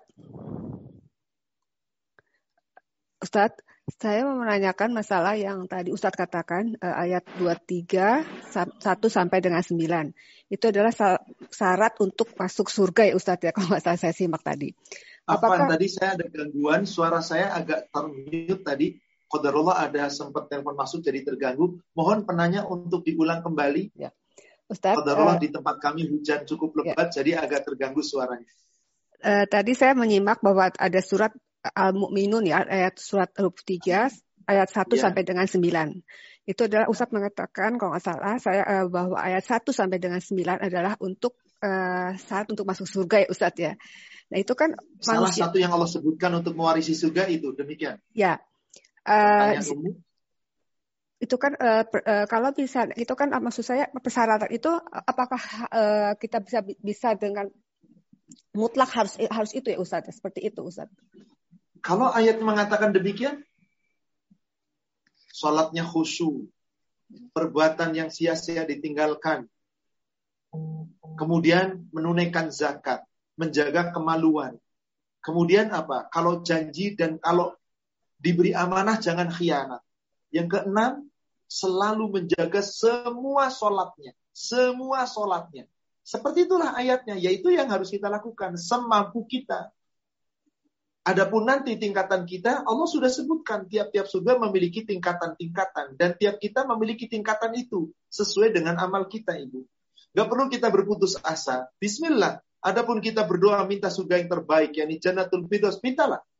Gak ada masalah. Tapi yang jelas, siapa pun manusia di mana pun ditempatkan oleh Allah di dalam surga. Kalau sudah di dalam surga, gak bakal mau keluar. Apalagi kalau sudah ada dalam surga Firdaus.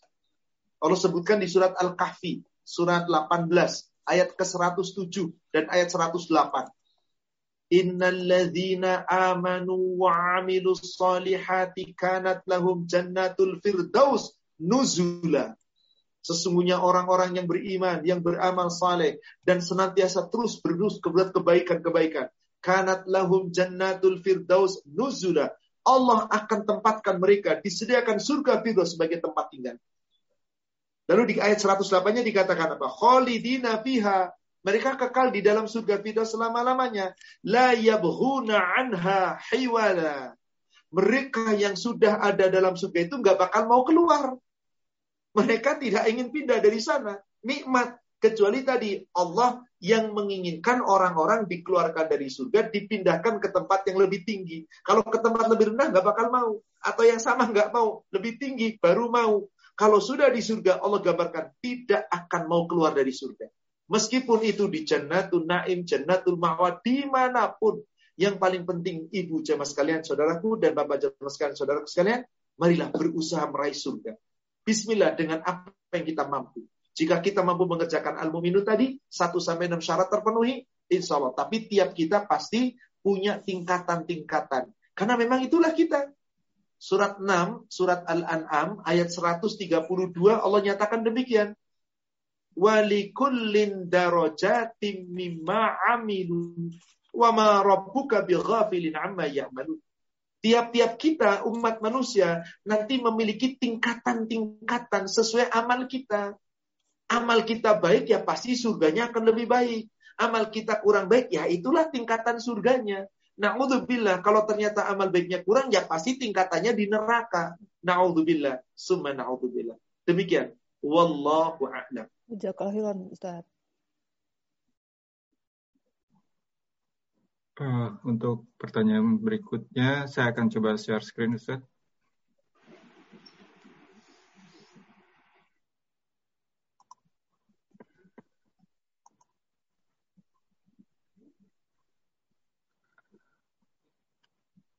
Pertanyaan sebagai berikut. Assalamualaikum warahmatullahi wabarakatuh, Ustaz.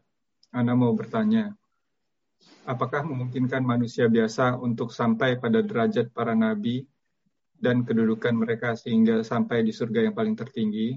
Dan apakah pelaku dosa besar memungkinkan masuk surga tanpa hisab? Jazakallah khair Ustaz. Saudaraku sekalian, mana mungkin pelaku dosa besar masuk surga tanpa hisab? Kecuali setelah dia berbuat dosa besar, tobat dengan tobat dan nasuha sebenar-benarnya tidak mengulangi lagi. Bukankah Umar bin Khattab pernah melakukan dosa besar yang sangat besar, kesyirikan, membunuhnya, membu eh, apa namanya begitu jahat kepada Nabi? Bukankah telah dapat jaminan masuk surga tanpa hisab? Artinya apa? Bagi kita, bisakah bisa menempati tingkatan seperti Nabi? Tentu tidak. Para sahabat tentu tidak. Tapi apakah kita bisa meraih surga yang paling tinggi? Bisa. Tapi ingat, surga yang paling tinggi bagi seorang yang beriman dengan surganya para nabi itu beda-beda beda tingkatan. Dengan para sahabat pasti beda tingkatan. Karena Rasul sudah mengatakan, khairukum karni. Yang terbaik dari kalian, wahai umatku, adalah kurunku. Generasi sahabat itu is the best. Summa yalunakum. Kemudian generasi setelah kamu, yakni tabi'i. Summa yalunahum. Kemudian generasi setelah mereka, tabi'ut tabi'i. Para ulama beda pendapat. Apakah hadis ini sampai tabi'ut tabi'i atau mengatakan summa yalunahum. Kemudian tabi'ut tabi'ut tabi'i. Generasi keempat setelah Rasul wafat. Kita ini generasi keberapa saudaraku sekalian? Tapi bagi kita yang penting begini, mintalah surga. Tentang apakah nanti surga itu paling tinggi, sudah. Yang penting kita mau minta surga dan berusaha sebaik-baiknya untuk meraih surga. Apa Rasul perintahkan contoh doanya tadi? Man da'a ilal jannah barang siapa yang berdoa meminta kepada surga. Salah tiga kali permintaan. Kemudian apa? Waqalal jannah. Surga akan berkata, Allahumma adhilhu jannah. Ya Allah masukkanlah dia ke dalam surga. Salah marrat. Tiga kali. Bagaimana lafaznya? Kita bisa membaca Allahumma inni as'alukal jannah. Allahumma inni as'alukal jannah. Allahumma inni as'alukal jannah. Minta tiga kali. Lalu siapa yang meminta? Dijauhkan dari neraka tiga kali. Allahumma inni a'udzubika minan nar. Allahumma inni a'udzubika minan nar. Allahumma inni a'udzubika minan nar. Thalatha marrat. Tiga kali. Nar neraka berkata, Wahai Allah, ajirhu minan nar. Ya Allah, jauhkan dia dari neraka. Thalatha marrat. Tiga kali. Kita bisa gabung doanya. Allahumma inni as'alukal jannah wa a'udzubika minan nar. Allahumma inni as'alukal jannah wa a'udzubika minan Kita minta. Adapun nanti surganya yang mana? Sudahlah serahkan kepada Allah. Tiap kita punya tingkatan. Yang jelas mau dosa sebesar apa pun sepanjang kita mau bertobat, Allah Maha penerima tobat. Wallahu a'lam. Demikian. Ya kalau harus untuk pertanyaan berikutnya Kan saya kembali share. Ustaz, ah, bagaimana dengan agama Bahai yang di, uh, yang disampaikan oleh Menteri Agama yang mengakuinya dan mengucapkan hari rayanya? Apakah uh, mungkin apakah uh, ucapan selamat itu haram?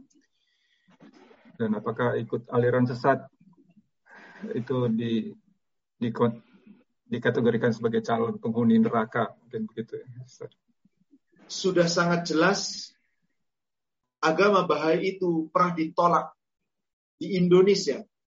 Bahkan hampir tertutup sepanjang Orde Baru. Meskipun ada pergerakan-pergerakan. Dan setelah Orde Baru, reformasi pun tertutup. Hanya sekarang inilah kemudian diproklamirkan kembali. Bahkan seorang menteri agama mengucapkan selamat untuk agama yang baru itu yang sesungguhnya itu tahun-tahun awal ke abad ke-18 awal mulai berkembang di mana di Iran. Kalau abad 19 akhir berkembang Ahmadiyah di Inggris yang kemudian diproklamirkan seorang nabi baru. Sama agama Baha'i pun bagian mengakui ada nabi baru. Berarti sesat pasti. Cara ibadahnya beda, hari rayanya beda, kitab Qur'annya beda. Kenapa diucapkan selamat? Ya tanggung jawab nanti Menteri Agama di hadapan Allah. Bagaimana sikap kita? Gak perlu mencela, gak perlu nyinyir, gak perlu itu. Udahlah, gak usah kata-kata kotor. Bikin dosa. Doakan saja. Semoga Menteri Agama kita mendapatkan hidayah Allah. Kalau nggak dapat hidayah bagaimana? Kalau terus begitu, tanggung jawab dia dengan Allah. Daripada kita membuat sakit, daripada kita buat kotor lisan, daripada kita buat dosa, sudah. Apakah dia nanti masuk neraka? Allah janji selain Islam pasti neraka.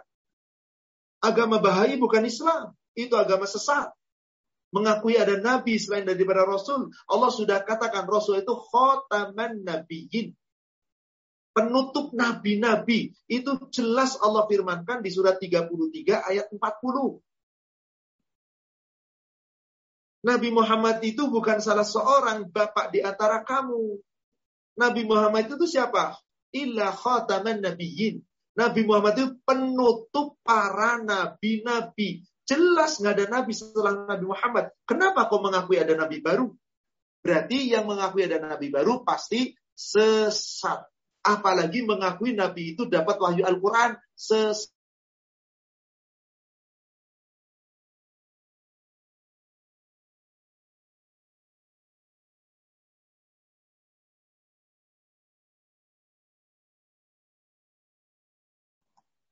Uh, mohon maaf, ini sepertinya ada gangguan koneksi dengan Ustadz. Uh, sementara kita tunggu uh, untuk uh, terkoneksi kembali dengan uh, Ustadz.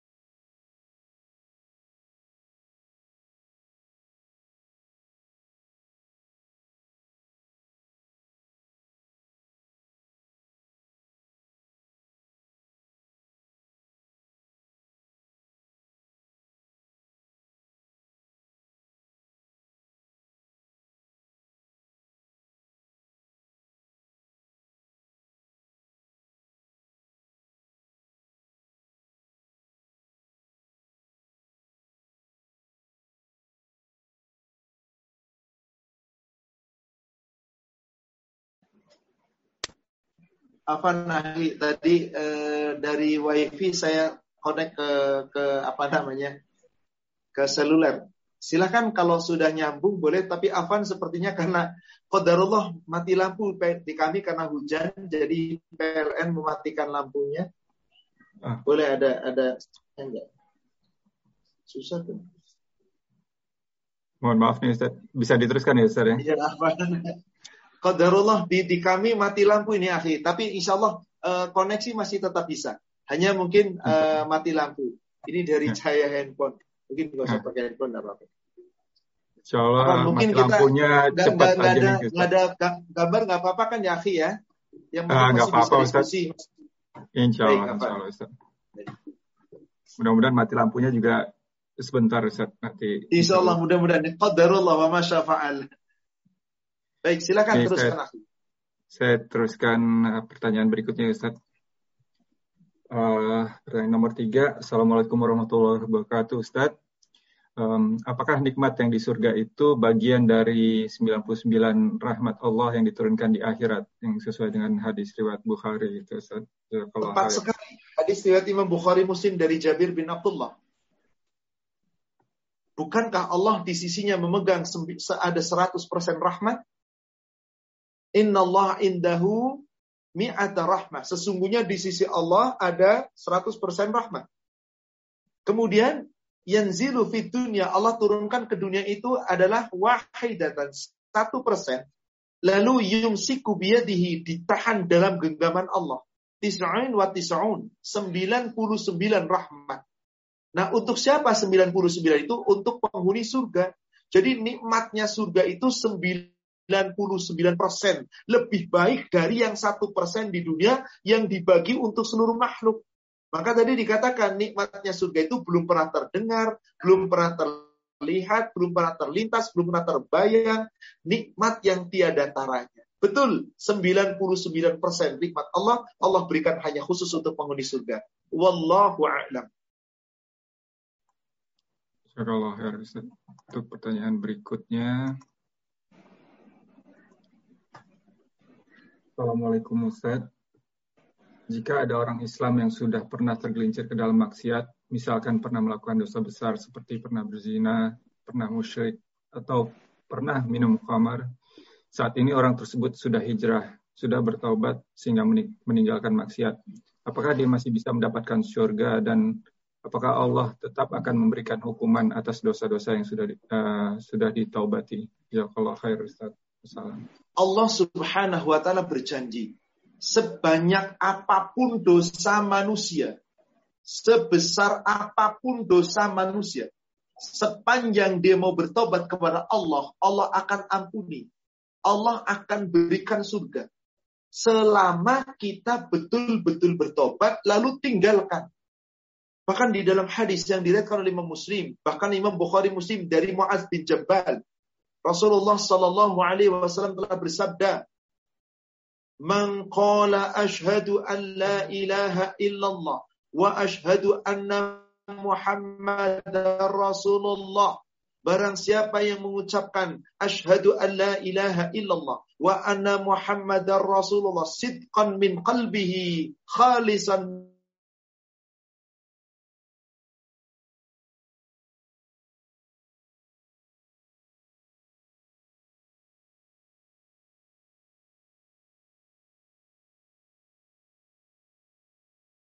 zina.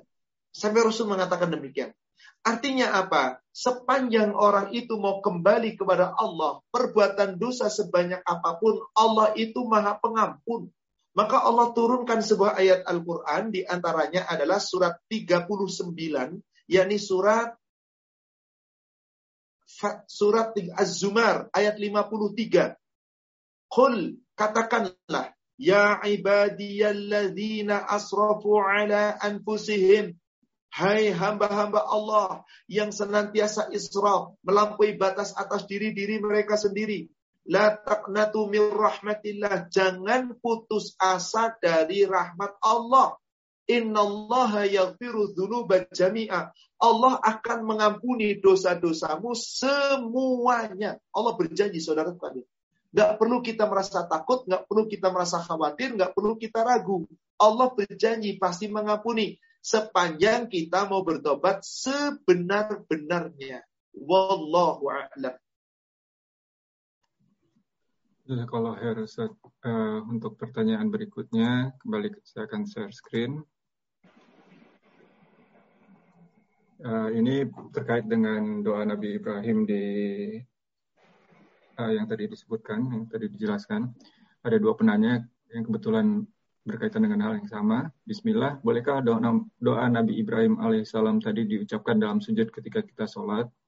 Dan yang kedua ya kira-kira sama Ustadz, cuma tidak dibilang dalam sholatnya. Apakah boleh kita Insya berdoa dengan boleh. Bahkan kalau bisa doa itu disampaikan, dibaca terus sampai ayat 89. Kecuali di ayat 86. Jangan kita baca. Kalau toh mau kita baca, redaksinya bisa kita rubah. Boleh insya Allah. Rabbi habli hukman wa alhiqni bis salihin waj'alni lisana sidqin fil akhirin waj'alni min warathati jannatin na'im. Nah, di ayat ke-86 itu ada doa begini. Waghfir li abi innahu kana minadh dhalin. Ya Allah ampunilah bapakku karena sesungguhnya dia termasuk orang sesat. Nah ini jangan dibaca tinggalkan. Kalau toh mau baca, robah redaksinya. Waghfirli abi wa ummi. Cukup. Ya Allah ampunilah dosa bapakku dan ibuku. Kata-kata innahu kana minadhdallin sesungguhnya termasuk orang sesat jangan dibaca. Masa kita menyesatkan orang tua kita? Kemudian kita langsung baca lagi tambahan ayat ke 87-nya, 88, 89. Wala tuhzini yauma yub'atsun, yauma la yanfa'u malu wala banun illa man atallah biqalbin salim. Sampai ayat 89. Bapak Ibu silahkan baca doa itu. Bolehkah dibaca di dalam sholat? Insya Allah boleh. Karena ini bagian daripada doa yang Allah ajarkan kepada kita. Dan ini diabadikan oleh Allah di dalam Al-Quran. Yang sesungguhnya doa itu adalah doanya Nabiullah Ibrahim. Bukankah kita boleh meneladani Nabi Ibrahim bahkan diperintahkan? Coba Bapak Ibu tiap pagi apa doa kita? Tiap sore apa doa kita? Wa ala millati abina Ibrahim hanifan muslima wa ma kana minal musyrikin. Kita mengikuti yakni milah tata cara beragama Nabi Ibrahim. Maka doa-doanya Nabi Ibrahim diabadikan oleh Allah boleh kita pakai dalam ibadah. Insya Allah. Dan betapa banyak doanya Nabi Ibrahim. Rabbana hablana minas salihin. Rabbi anna muqimas salati wa min dhurriyyatina Rabbana wa taqabbal du'a. Itu doa-doanya Nabi Ibrahim yang seperti itu. Wallahu a'lam. Demikian akhi. Ya kalau Her Ustaz. Ini kebetulan ada penanya langsung lagi. Uh, silahkan, silahkan. diambil, Bu Ana. Assalamualaikum warahmatullahi wabarakatuh. Ustaz Ahmad Susilo Hafizahullah. Waalaikumsalam warahmatullahi wabarakatuh. Silakan Umu. Ya, gini Ustadz yang tadi doa yang Ustadz bacakan tadi itu Allahumma ini as'alukal jannah wa a'udzubika minan nar tiga kali itu Ustadz afdolnya dibaca di waktu kapan Ustadz berdoa itu baiknya di Silakan waktu kita bisa baca di dalam sholat sebelum salam. Silakan bisa dibaca di dalam sujud dalam sholat. Silakan kita bisa baca setelah zikir, setelah doa di dalam eh, setelah sholat. Silakan kita bisa baca doa ketika kita selesai sholat tahajud di waktu malam. Silahkan kita bisa baca antara azan dan iqamat sebelum kita melaksanakan sholat fardu. Karena bukankah doa antara azan dan iqamat tidak ditolak? Silahkan kita bisa baca. Minimal dalam satu hari kita bisa baca. Mungkin tiga kali, lima kali, silahkan. Allahumma inni as'alukal jannah wa a'udzubika minan nar. Tiga kali dibaca ibu. Karena doanya demikian kata Rasulullah. Siapa yang meminta surga tiga kali, lalu meminta terhindar dari neraka tiga kali, surga berkata, Ya Allah masukkan dia ke dalam surga, neraka berkata, Ya Allah jauhkan dia dari neraka. Wallahu a'lam. Demikian. Jazakallah khair Ustaz. Untuk pertanyaan berikut. Pertanyaan berikutnya kembali saya akan share screen. Assalamualaikum Ustaz. Uh, bisakah seorang istri mendoakan suami yang sudah meninggal agar masuk surga? Apakah ada doa khusus untuk suami agar masuk surga? Ini mungkin terkait dengan doa yang yang biasanya dari anak yang soleh itu, Ustaz. Jadi ini pertanyaan lebih spesifik. Sesungguhnya ketika suami itu satu akidah, bolehkah didoakan masuk surga? Boleh sekali. Bagaimana cara mendoakannya? Allahumma firlahu warhamhu wa'afihi wa'fu'anhu dan seterusnya wa adkhilhu jannah wa naqihi fitnatal qabr wa adzaban nar. Bukankah itu doa yang sangat indah yang dicontohkan Rasul? Bukankah itu bisa kita doakan setiap saat? Atau enggak usah panjang-panjang, silakan. Allahumma adkhilhu jannah. Ya Allah masukkanlah dia ke dalam surga. Jadi kalau tadi Allahumma inni as'alukal jannah, Allahumma inni as'alukal jannah, Aku minta untuk aku. Ibu bisa tambahkan redaksionalnya. Allahumma inna nas'alukal jannah. Ya Allah, hamba memohon, kami memohon kepada am, kepadamu agar kami mendapat dapat dimasukkan ke dalam surga. Kami di situ kita maksudkan siapa? Aku dan suamiku. Bahkan kalau kami bisa istri, bisa suami, bisa anak, bisa orang tua menjadi satu. Domirnya kita ganti. Kalau ini as'aluka, aku minta hanya untukku. Kalau inna nas'aluka, kami minta kepadamu, kami, kami itu tergantung niat kita untuk siapa. Kalau kami niat kita adalah orang tua kita, suami kita, istri kita, anak keturunan kita, masuk seluruhnya insya Allah. Jadi, apakah disebutkan namanya? Nggak perlu, Allah maha tahu ibu. Ya Allah masukkan suamiku ke dalam surga. Boleh pakai bahasa Indonesia, nggak ada masalah. Pakai bahasa Arabnya bagaimana? Allahumma idkhul, Allahumma idkhilhu jannah. Ya Allah masukkanlah dia ke dalam surga. Wa ajirhu minan nar. Ya Allah jauhkanlah dia dari neraka. Boleh seperti itu. Baca tiga kali. Insya Allah. Boleh. Apalagi kalau suami itu punya anak-anak yang saleh, maka bukankah anak yang saleh yang mendoakan akan mendapatkan ijabah dari Allah? Silahkan mendoakan dengan bahasa apa pun. Yang terpenting kita paham apa yang akan kita minta kepada Allah, lalu kita mintalah kepada Allah. Redaksionalnya, lafaznya boleh dengan lafaz yang kita inginkan. Tapi kalau pakai lafaz yang dicontohkan Rasul tadi, minta surga tiga kali, minta terhindar dari neraka tiga kali. Kalau aku yang minta ini as'aluka. Kalau ibu mau ingin aku dan suamiku, berarti Allahumma inna kami, kaminya niatkan aku dan suamiku. Silakan. Wallahu a'lam. Ya kalau harus untuk pertanyaan berikutnya.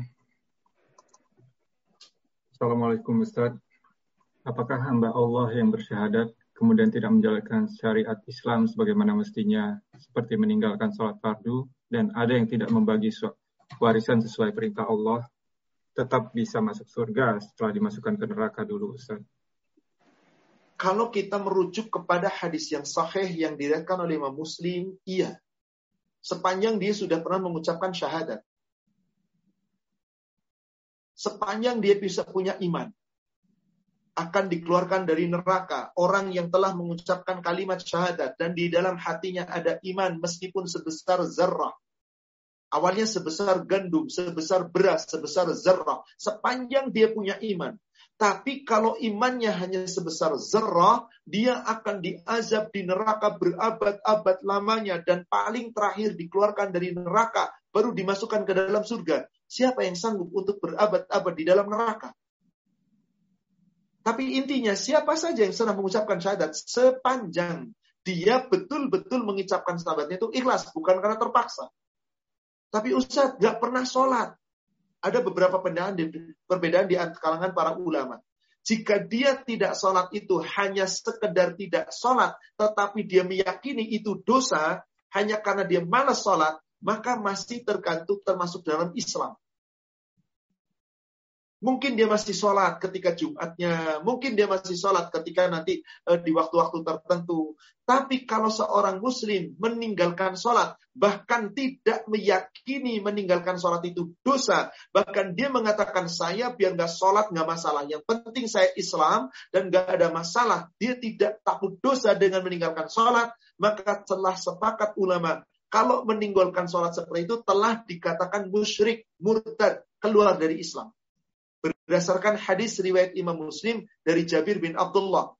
Inna baina rajul wa baina syirk wal kufr tarkas salat. Sesungguhnya penghubung seseorang antara dirinya adalah sudah dikatakan syirik atau kafir kalau sudah meninggalkan sholat. Jadi kalau total meninggalkan sholat, maka dia kafir. Bagaimana kalau tidak berhukum dengan hukum Islam?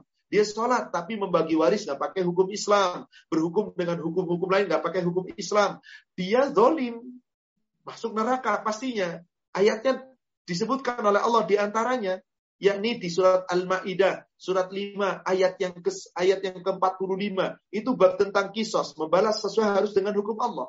Di ujung ayatnya dikatakan wa man lam yahkum bima anzalallah faulaika humudz zalimun. Barang siapa yang menetapkan hukum tidak sesuai dengan hukum Allah, maka dolim. Orang dolim itu Islam, tapi pasti akan masuk surga.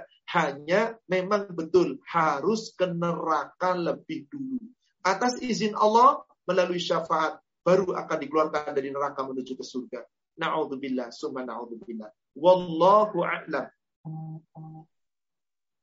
Ya kalau Ustaz, ini masih ada beberapa pertanyaan. Insya Allah uh, masih sempat waktunya Ustaz. Ya.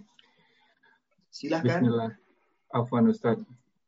Adakah kiat-kiat bagi seorang ibu yang keguguran bayinya agar Allah Ta'ala memberikan syafaat kepadanya lewat bayi yang keguguran tersebut untuk kemudian bisa dipertemukan di Jannatul Firdaus? Bagaimana rupa bayi tersebut saat di surga dan apakah akan cari ibunya yang saat mengandungnya terkena depresi dan kemudian misal telah melakukan hal-hal yang menyebab keguguran seperti marah-marah atau teriak-teriak. Jazakumullah khair. Saya doakan kepada ibu yang telah kehilangan bayi tersebut. Semoga Allah memberikan kekuatan dan kesabaran. Dan semoga Allah memberikan ganti yang lebih baik. Seandainya tidak dapat ganti yang terbaik di dunia, yakinlah siapa yang kehilangan bayi, kematian bayi, lalu dia ikhlas.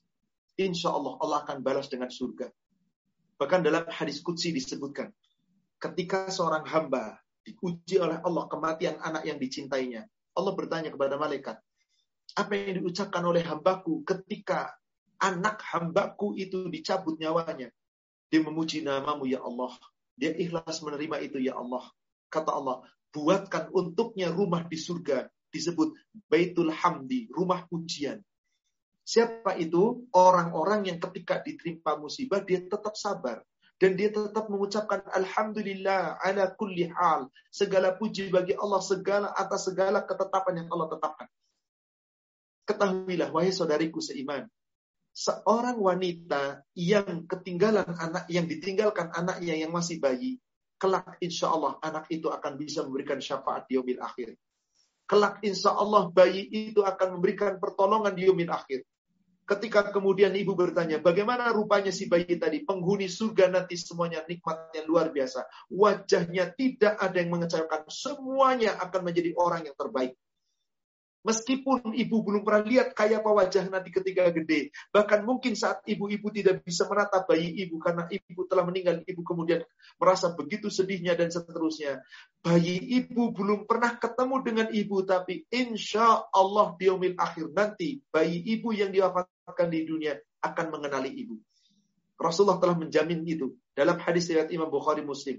Barang siapa seorang wanita yang kematian bayi yang masih kecil dua orang atau tiga orang, lalu dia ikhlas, lalu dia sabar, melainkan bayinya itu akan menghalangi dia, mendindingi dia dari azab neraka. Seorang bertanya, ya Rasulullah kalau bayinya cuma satu gimana yang meninggal? Ya meskipun satu. Bahkan ada yang bertanya, ya Rasulullah aku tidak pernah punya anak. Aku ini seorang wanita yang mandul. Jika engkau seorang wanita yang mandul, bersabarlah, insya Allah Allah akan gantikan nanti seorang anak di surga. Subhanallah. Allah akan memberikan yang terbaik itu. Intinya, nikmat di surga gak terbayang. Ingat tadi, tidak pernah terdengar sebelumnya, tidak pernah tersirat sebelumnya, gak pernah terlihat sebelumnya, gak terbayangkan di pikiran dan di hati manusia. Nikmat yang tiada taranya. Yang penting, ingat tadi, ketika kita membahas tentang surga Aden, ada beberapa ayat tadi yang saya sampaikan. Pertama surat Ar-Ra'du, silakan ulangi kembali. Ibu benanya, lihat kembali nanti surat Ar-Ra'du. Surat ke-13, ayat 22 sampai 24. Kemudian buka kembali surat An-Nahl, surat 16, ayat yang ke-30 dan ayat ke-31. Lihat di situ, bahwa orang-orang yang masuk surga ada di antaranya adalah orang-orang yang sabar yang sabar ketika menerima ketetapan Allah. Apa pun yang Allah timpakan, jawabannya cuma satu, khaira, ini kebaikan. Wallahu a'lam. Alhamdulillah, ini di saya sudah mas uh, lampu sudah nyala kembali. Alhamdulillah. Alhamdulillah. nyala kembali. Qadarullah karena hujan. Semoga Allah turunkan hujan. Allahumma ja'al sayyiban nafi'an. Ya Allah jadikan hujan yang turun ini menjadi hujan yang bermanfaat. Amin. Silakan saya beri waktu lagi masih ada beberapa penanya boleh saya teruskan. Ya, ini uh, pertanyaan berikutnya nih. Assalamualaikum warahmatullahi wabarakatuh, Ustaz. Pertanyaan saya, apakah kenikmatan juga termasuk mempertemukan kita dengan orang tua, suami, dan orang-orang yang kita sayangi? Dan uh, jika suami atau istri lebih dari satu, ini mungkin kasusnya kalau yang diting, uh, ditinggal ya, sudah meninggal, sudah kemudian, ya. apakah Bapak Ibu sekalian, nggak usah khawatir Apakah dipertemukan? Jelas. Tadi saya sebutkan kembali surat 13 ayat 22 sampai 24. Dimasukkan ke mana? Waman solaha min abaihim wa azwajihim wa dhurriyatihim dipertemukan di surga dengan orang yang saleh dari orang tua mereka, nenek moyang mereka, pasangan-pasangan mereka, anak cucu mereka istri meninggal istrinya, eh, suaminya menikah, istrinya meninggal, nikah lagi sama istri, meninggal lagi, istrinya meninggal lagi, lima istri, enam istri, tujuh istri, ketemu. Si istri, suaminya meninggal, nikah lagi sama suami, meninggal, ketemu. Hanya kata Rasulullah, seorang wanita bersama dengan suaminya yang paling terakhir dinikahi di dunia. Betul, tetapi tetap ketemu dengan suami-suami yang terdahulu, ketemu pasti. Ummu Salamah mengatakan betapa cintanya kepada Abu Salamah. Bahkan ketika dilamar Rasulullah, Ummu Salamah menolak pertama kali. Kenapa? Aku ini wanita pencemburu ya Rasulullah. Aku sangat mencintai suamiku. Tidak ada orang yang lebih baik daripada Abu Salamah ya Rasulullah. Rasul tersenyum, berdoalah kepada Allah. Allahumma ajurni fi musibati wa fi khairan minha. Ya Allah berikan pahala dari musibah yang menimpa kepadaku. Berikan untukku ganti yang lebih baik daripada suamiku ini. Diganti oleh Allah Rasulullah. Apakah kemudian Ummu Salamah nggak ketemu dengan Abu Salamah? Ketemu. Tapi siapakah pasangan Ummu Salamah? Rasulullah. Wah, nggak bisa ketemu suami. Sudah nggak usah bayangkan itu. Yang paling penting sekarang, saudaraku sekalian, bagaimana caranya sekarang kita usaha untuk masuk surga. Gak usah pertanyakan tentang nikmatnya surga. Pasti ketemu. Mau berapapun suaminya, mau berapapun istrinya, sepanjang itu dilakukan sah di dunia. dan ketemu dengan suami, ketemu dengan handetolan, ketemu dengan orang tua, pasti yang paling penting kita, mari kita bina iman kita. Kita, orang tua kita, anak keturunan kita, pasangan kita, sama-sama beriman. Allah berikan jaminan. Ketemu reuni di surga. Surat 52, surat At-Tur, ayat ke-21. Di situ jelas sekali ayatnya. Silakan Bapak Ibu nanti penanya lihat ayat itu. Walladzina amanu wattaba'athum dzurriyyatuhum biimanin alhaqna bihim dzurriyyatahum wama alatnahum min amalihim min syai' kullu mri'in bima kasaba dan orang-orang yang beriman yang diikuti imannya oleh anak cucu mereka yang sama-sama beriman dipertemukan nanti oleh Allah di dalam surga dengan anak cucu mereka. Nah, ibu, bapak, yang paling utama sekarang berusahalah kita jadi orang beriman, pasti masuk surga. Nikmat tak terbayangkan. Wallahu a'lam. Demikian. Ya kalau Ustaz. Masih ada beberapa pertanyaan juga nih Ustaz. Assalamualaikum warahmatullahi wabarakatuh. Pertanyaan saya, uh, maaf, Ustadz, benarkah apabila punya anak perempuan tiga, mereka solehah, dan mereka solehah, orang tuanya bisa masuk surga? Bisa benar, bisa tidak. Tergantung orang tuanya soleh atau tidak. Betul kalau seorang punya anak saleh, saleha, apalagi yang saleh, yang tiga perempuan. Satu saja perempuan dididik dengan benar, lalu jadi wanita saleha. Mendapatkan suami yang saleh. Itu bisa menghantarkan orang tuanya ke surga, betul. Tiga apa lagi? Yang penting bukan anaknya soleh atau solehah. Bukan satu, dua, tiga orang atau empat atau lima orang. Bagaimana orang tuanya soleh atau tidak? Contoh. Nabiullah Ibrahim. Seorang yang soleh. Anak keturunannya soleh semua. Orang tuanya nggak soleh. Nggak bisa mengantarkan orang tuanya ke surga. Doanya tertahan. Bahkan ketika Nabi Ibrahim berdoa kepada Allah, tadi di surat 24 ayat yang ke-86, surat 26 ayat yang ke-86, "Waghfir li abi innahu ka'an innahu kana minadh Ya Allah, ampuni dosa bapakku. Ya Allah, kesungguhnya bapakku itu sesat. Ketika itu belum ada larangan Allah mendoakan orang-orang yang beda akidah orang-orang kafir, orang-orang musyrik. Maka Nabi Ibrahim berdoa. Begitu telah dilarang oleh Allah, maka Nabi Ibrahim saat itu tidak lagi mendoakan bapaknya. Kenapa? Karena orang muslim haram mendoakan ampunan untuk orang yang beda agama. Meskipun itu kerabat yang paling dekat. Jadi yang paling penting saudaraku sekalian, iman kita kita jaga kita iman, orang tua kita beriman, anak keturunan kita beriman, pasangan kita beriman, dihubungkan. Kalau nggak beriman, nggak bisa. Putus. Lihat surat At-Taubah, surat 9 ayat 113 dan 114. Allah Subhanahu wa taala berfirman, "Maka nalin nabi tidak patut, tidak pantas bagi seorang nabi walladzina amanu bagi orang-orang yang beriman ayyastaghfiru lil musyrikina walau kanu uli qurba. Memohonkan ampunan kepada orang-orang musyrik, orang-orang kafir meskipun yang didoakan mohon ampun kerabat yang paling dekat bapaknya, ibunya, anaknya, saudaranya, pasangannya, Mim ba'dima yatabayyana lahum annahum ashabul jahim. Setelah nyata orang musyrik, orang kafir itu penghuni neraka. Itu calon penghuni neraka jahim. Lalu bagaimana dengan Nabi Ibrahim? Kan tadi surat 26 ayat 80 mendoakan. Dahulu saat Nabi Ibrahim mendoakan belum dilarang Allah.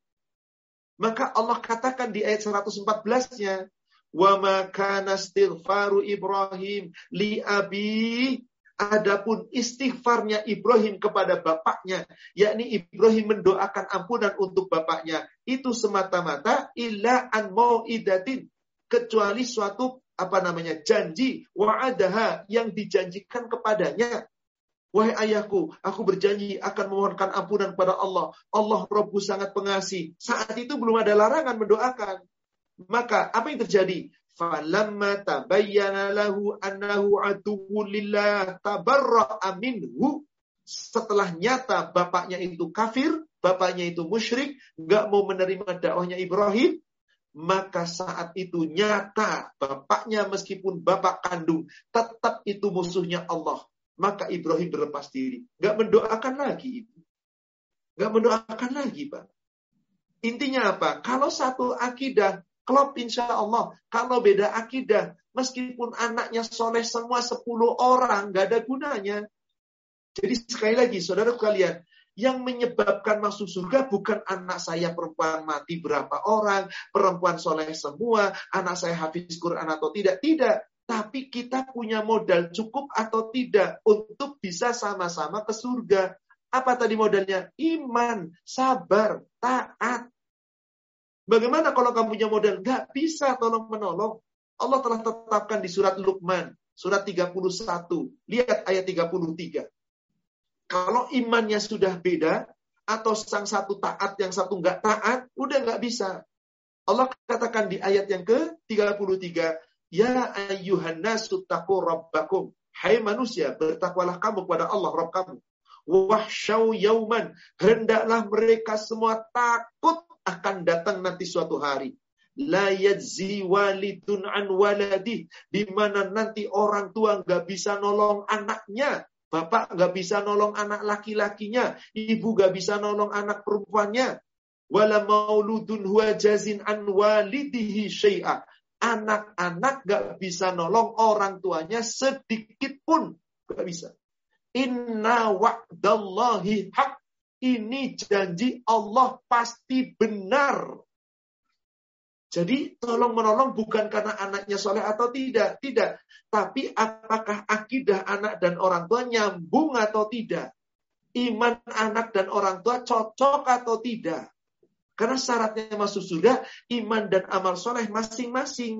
Adapun kita punya kekurangan iman, amal soleh, tapi kita telah berusaha Semoga anak-anak kita yang soleh, yang mendoakan kita, anak-anak kita yang belajar Al-Quran, anak-anak wanita kita yang kita jaga baik-baik, jangan jadi wanita soleha, yang bisa menghantarkan kita menuju surganya Allah. Tapi tetap kita harus punya bekal iman.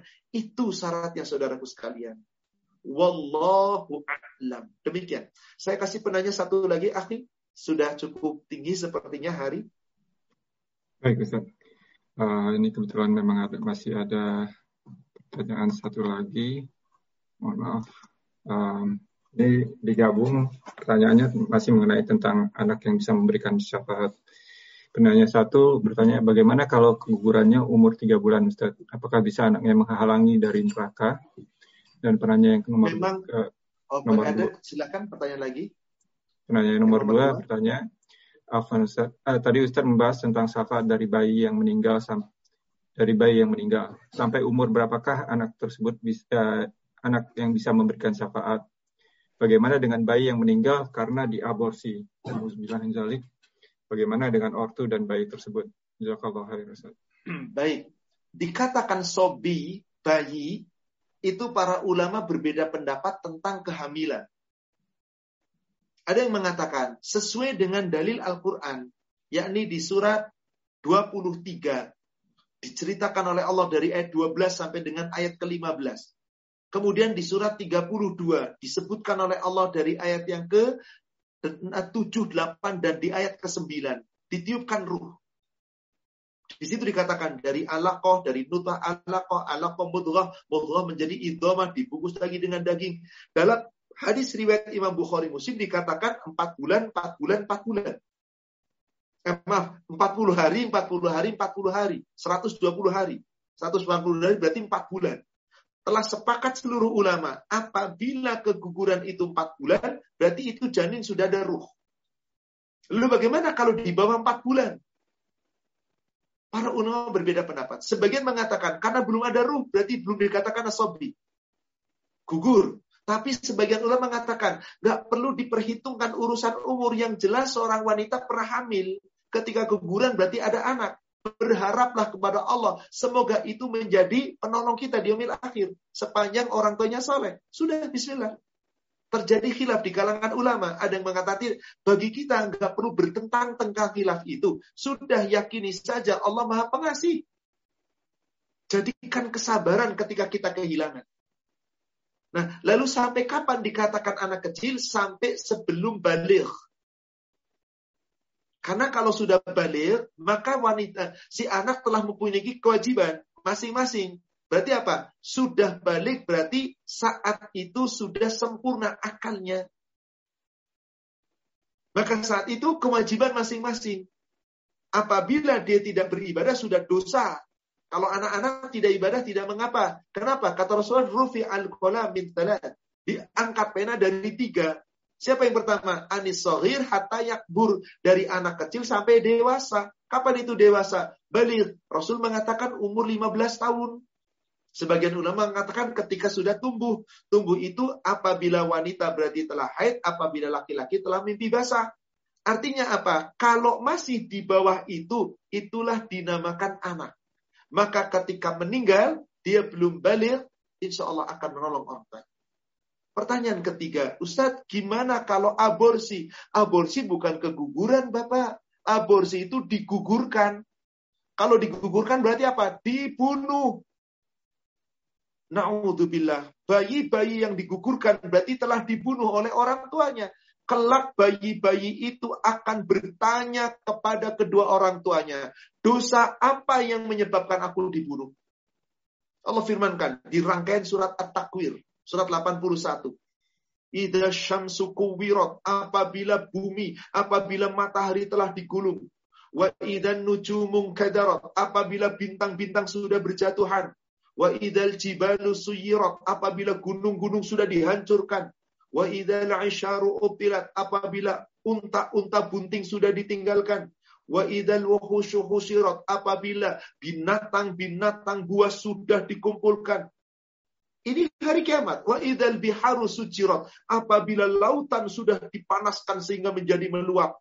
Maka hari kiamat hancur lulus segalanya saat itu nanti di padang masyar. Wa idan nufusu zuwijat.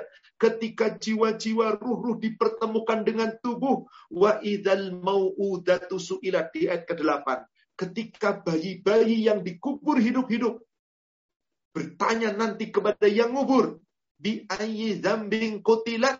Hai orang tuaku, dosa apa aku sebab dibunuh? Kenapa aku dibunuh? Salah apa aku? Na'udzubillah. Orang tua yang menggugurkan kandungannya, tanggung jawabnya berat. Nanti bayi yang digugurkan bertanya kepadanya di akhir akhirat.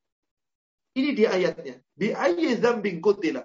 Dosa apa sehingga saya dibunuh? Yang dosa orang tuanya, dia berzina. Kenapa si bayi itu kemudian dibunuh? Bukankah menggugurkan kandungan itu adalah membunuh bayi? Na'udzubillah. Lalu bagaimana Ustaz jika terjadi begitu? Tutupi aib Anda, tobat kepada Allah dengan taubat dan nasuha. Sepanjang Anda betul-betul taubat dan nasuha, semoga Allah ampuni. Ingat, ada kisah di zaman dahulu, yakni seorang laki-laki dari Bani Israel yang membunuh 99 jiwa. Lalu ingin bertobat, lalu bertanya kepada seorang rahib. Rahib mengatakan pintu tobat tidak pernah terbuka. Anda telah membunuh 99 orang. Akhirnya rahib itu dibunuh jadi 100 orang lalu tetap masih ingin bertobat. Akhirnya ketemu seorang alim. Orang alim mengatakan, pintu tobat Allah tidak pernah tertutup. Siapa yang berani menutup pintu tobat Allah? Pintu tobat Allah terbuka, yang penting Anda sungguh-sungguh bertobat. Jika mau bertobat, tinggalkan seluruhnya. Anda hijah ke tempat yang lain yang lebih baik. Karena di tempat Anda banyak kemaksiatan, banyak dosa-dosa. Berhijahlah ke tempat sana yang banyak orang taat. Maka dia berhijah. Qadarullah di tengah jalan, Allah cabut nyawanya. Ternyata Demati husnul khotimah. Hijrah. Yang penting saudaraku sekalian, dosa sebanyak apa pun, mari kita bertobat dengan tobat dan nasuha. Setelah kita bertobat, jangan ulangi dosa-dosa lagi, tinggalkan tayah lalu, perbaiki lebih baik lagi, dan jangan pernah berkeinginan untuk berbuat lagi. Semoga Allah mengampuni dan memaafkan dosa-dosa kita. Demikian Bapak Ibu Saudaraku sekalian, Qadarullah sudah dua jam kajian kita pada hari ini. Hari ini sudah masuk tanggal uh, sudah jam 21.45 di Indonesia, berarti di sana mungkin 15.45 ya. Mudah-mudahan apa yang sama-sama kita kaji insya Allah membawa manfaat dan hikmah. Tentu yang benar dari Allah yang disampaikan melalui Rasulnya yang salah saya yang menyampaikan yang penuh kekurangan, kita manusia yang kehilaf, penuh kekhilafan. Semoga Allah memaafkan dan mengampuni dosa-dosa kita semua. Insya Allah kita akan diperjumpakan kembali oleh Allah di waktu yang akan datang. Semoga Allah memberikan kesempatan kepada kita dan kita bisa melanjutkan kajian kita yang masih tertunda, yakni bab tentang yang dirindu surga. Kita akan membahas nikmat yang Allah gambarkan di dalam Al-Quran tentang nikmat-nikmat surga. Wallahu a'lam. Demikian saudaraku seiman, Bapak Ibu jemaah sekalian yang semoga dirahmati Allah, semoga membawa manfaat dan hikmah. Mohon maaf kepada para penanya apabila tidak ada kesempatan untuk bisa dijawab karena waktu juga yang membatasi. Semoga Allah meridhoi kita semua. Mari kita sama-sama tutup dengan doa kafaratul majlis. Subhanaka Allahumma wa bihamdika ashhadu an la ilaha illa anta astaghfiruka wa atubu ilaih. Alhamdulillah billahi taufik. Assalamualaikum warahmatullahi wabarakatuh. Waalaikumsalam warahmatullahi wabarakatuh. Alhamdulillahirabbil alamin. Jazakallah khair Ustaz atas waktu dan ilmunya. Wa jazakumullahu khairan akhi. Semoga kajian kali ini bermanfaat bagi kita semua dan uh, kita masih menunggu untuk bagian berikutnya. Insya Allah kita dipertemukan kembali uh, bagi yang ingin menyimak kembali kajian kali ini dan yang sebelumnya bisa disimak di channel YouTube kami di channel Paduka underscore UK. Uh, kami juga mohon maaf jika ada kekurangan dan kesalahan selama penyelenggaraan uh, kajian yang sekarang maupun yang sebelum-sebelumnya. Barakallahu fikum wabillahi taufiq wal hidayah. Wassalamualaikum warahmatullahi wabarakatuh. Waalaikumsalam warahmatullahi wabarakatuh. Jazakumullahu khairan. Barakallahu fikum untuk semuanya. Ya,